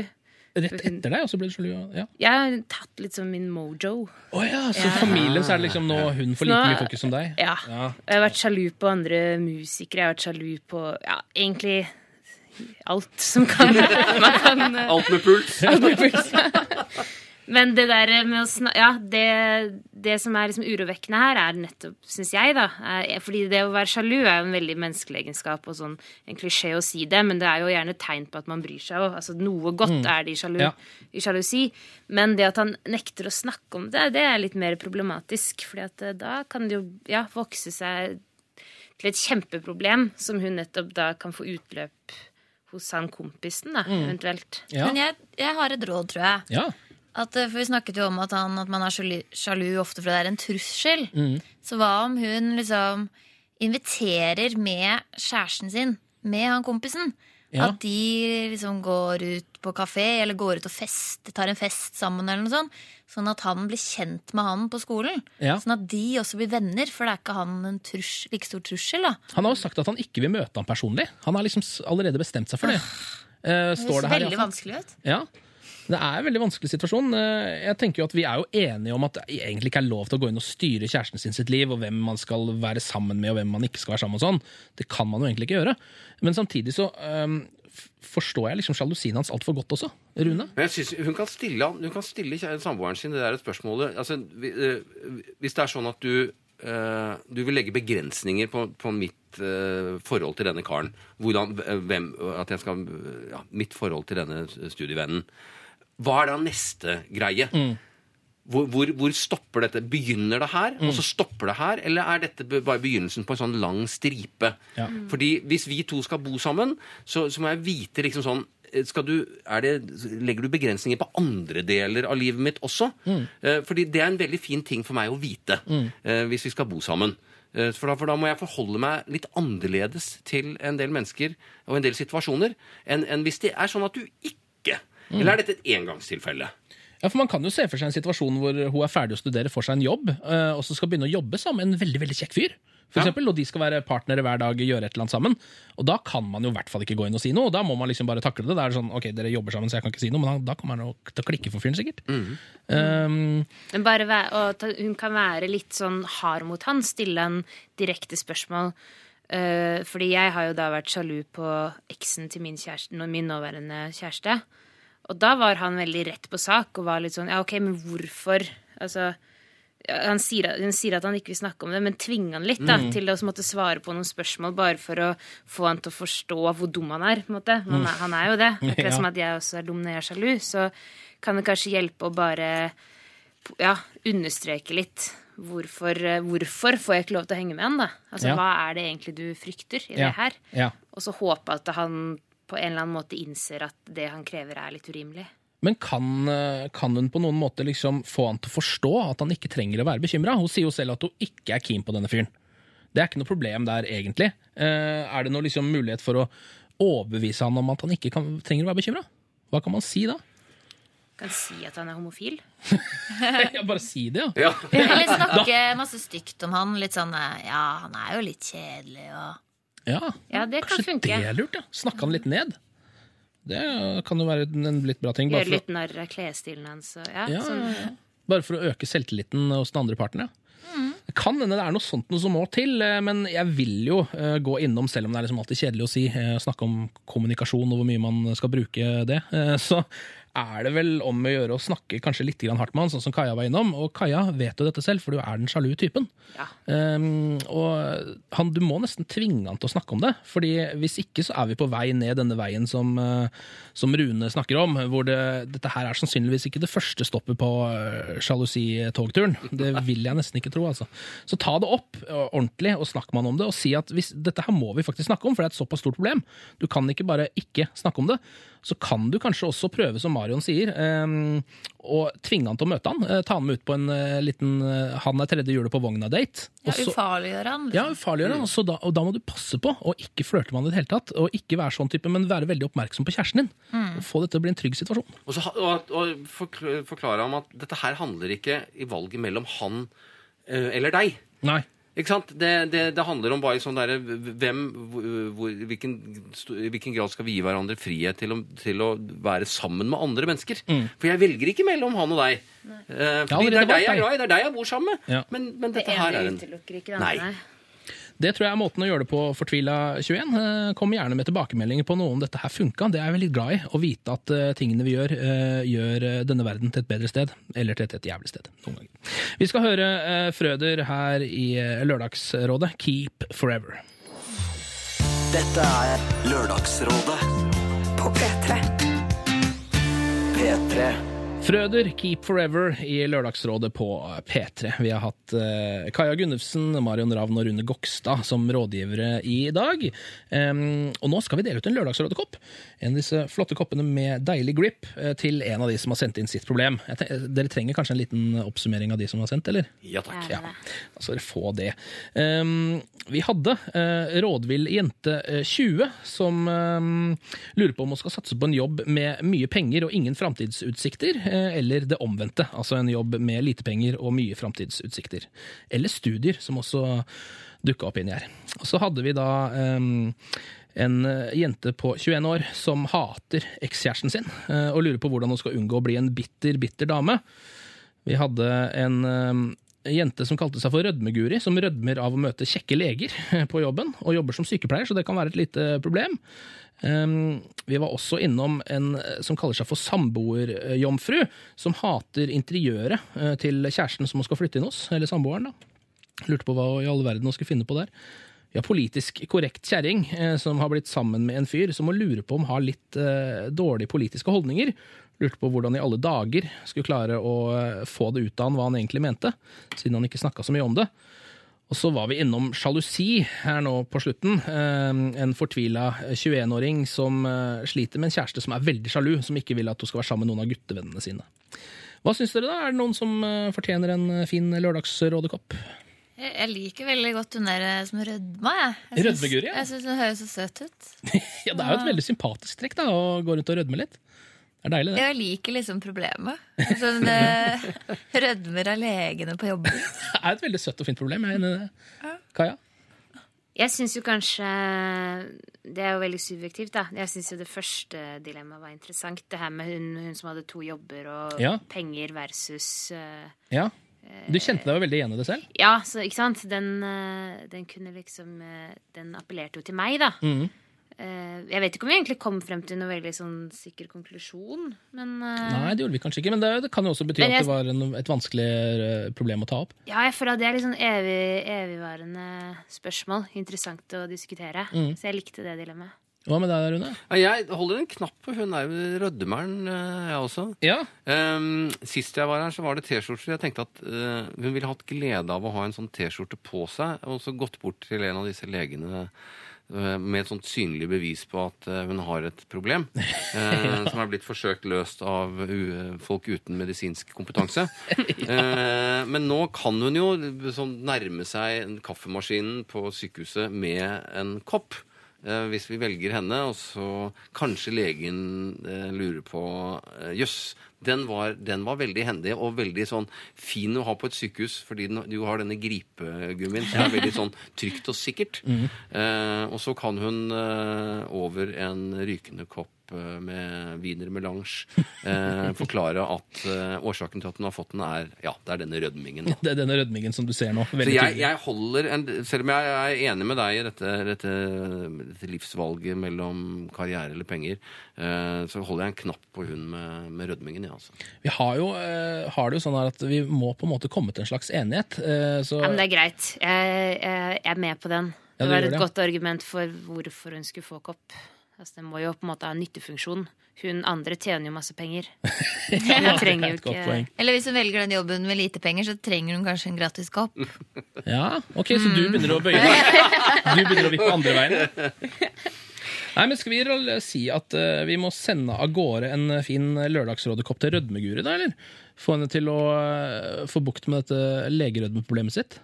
Jeg er så konfliktsky, så jeg sier ja. Du har fått fram mange av dine gode sider her i dag, Kaja. Ja, bare takk. Takk for det. Um, veldig hyggelig at dere kunne ta og komme innom, bruke litt av tida deres eh, her i Lørdagsrådet i dag. Eh, Marion, Rune og Kaja. Dere får ha en eh, glimrende, glimrende lørdag eh, videre.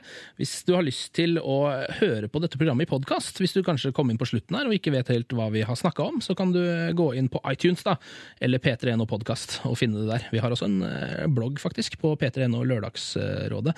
Jeg heter Ken Vasenius Nilsen og har eh, ledet dette programmet nå i januar. Neste lørdag så er eh, Siri Kristiansen tilbake fra sin eh, herlige eh, sonsferie eh, og skal fortsette å lede, lede Lørdagsrådet resten av året.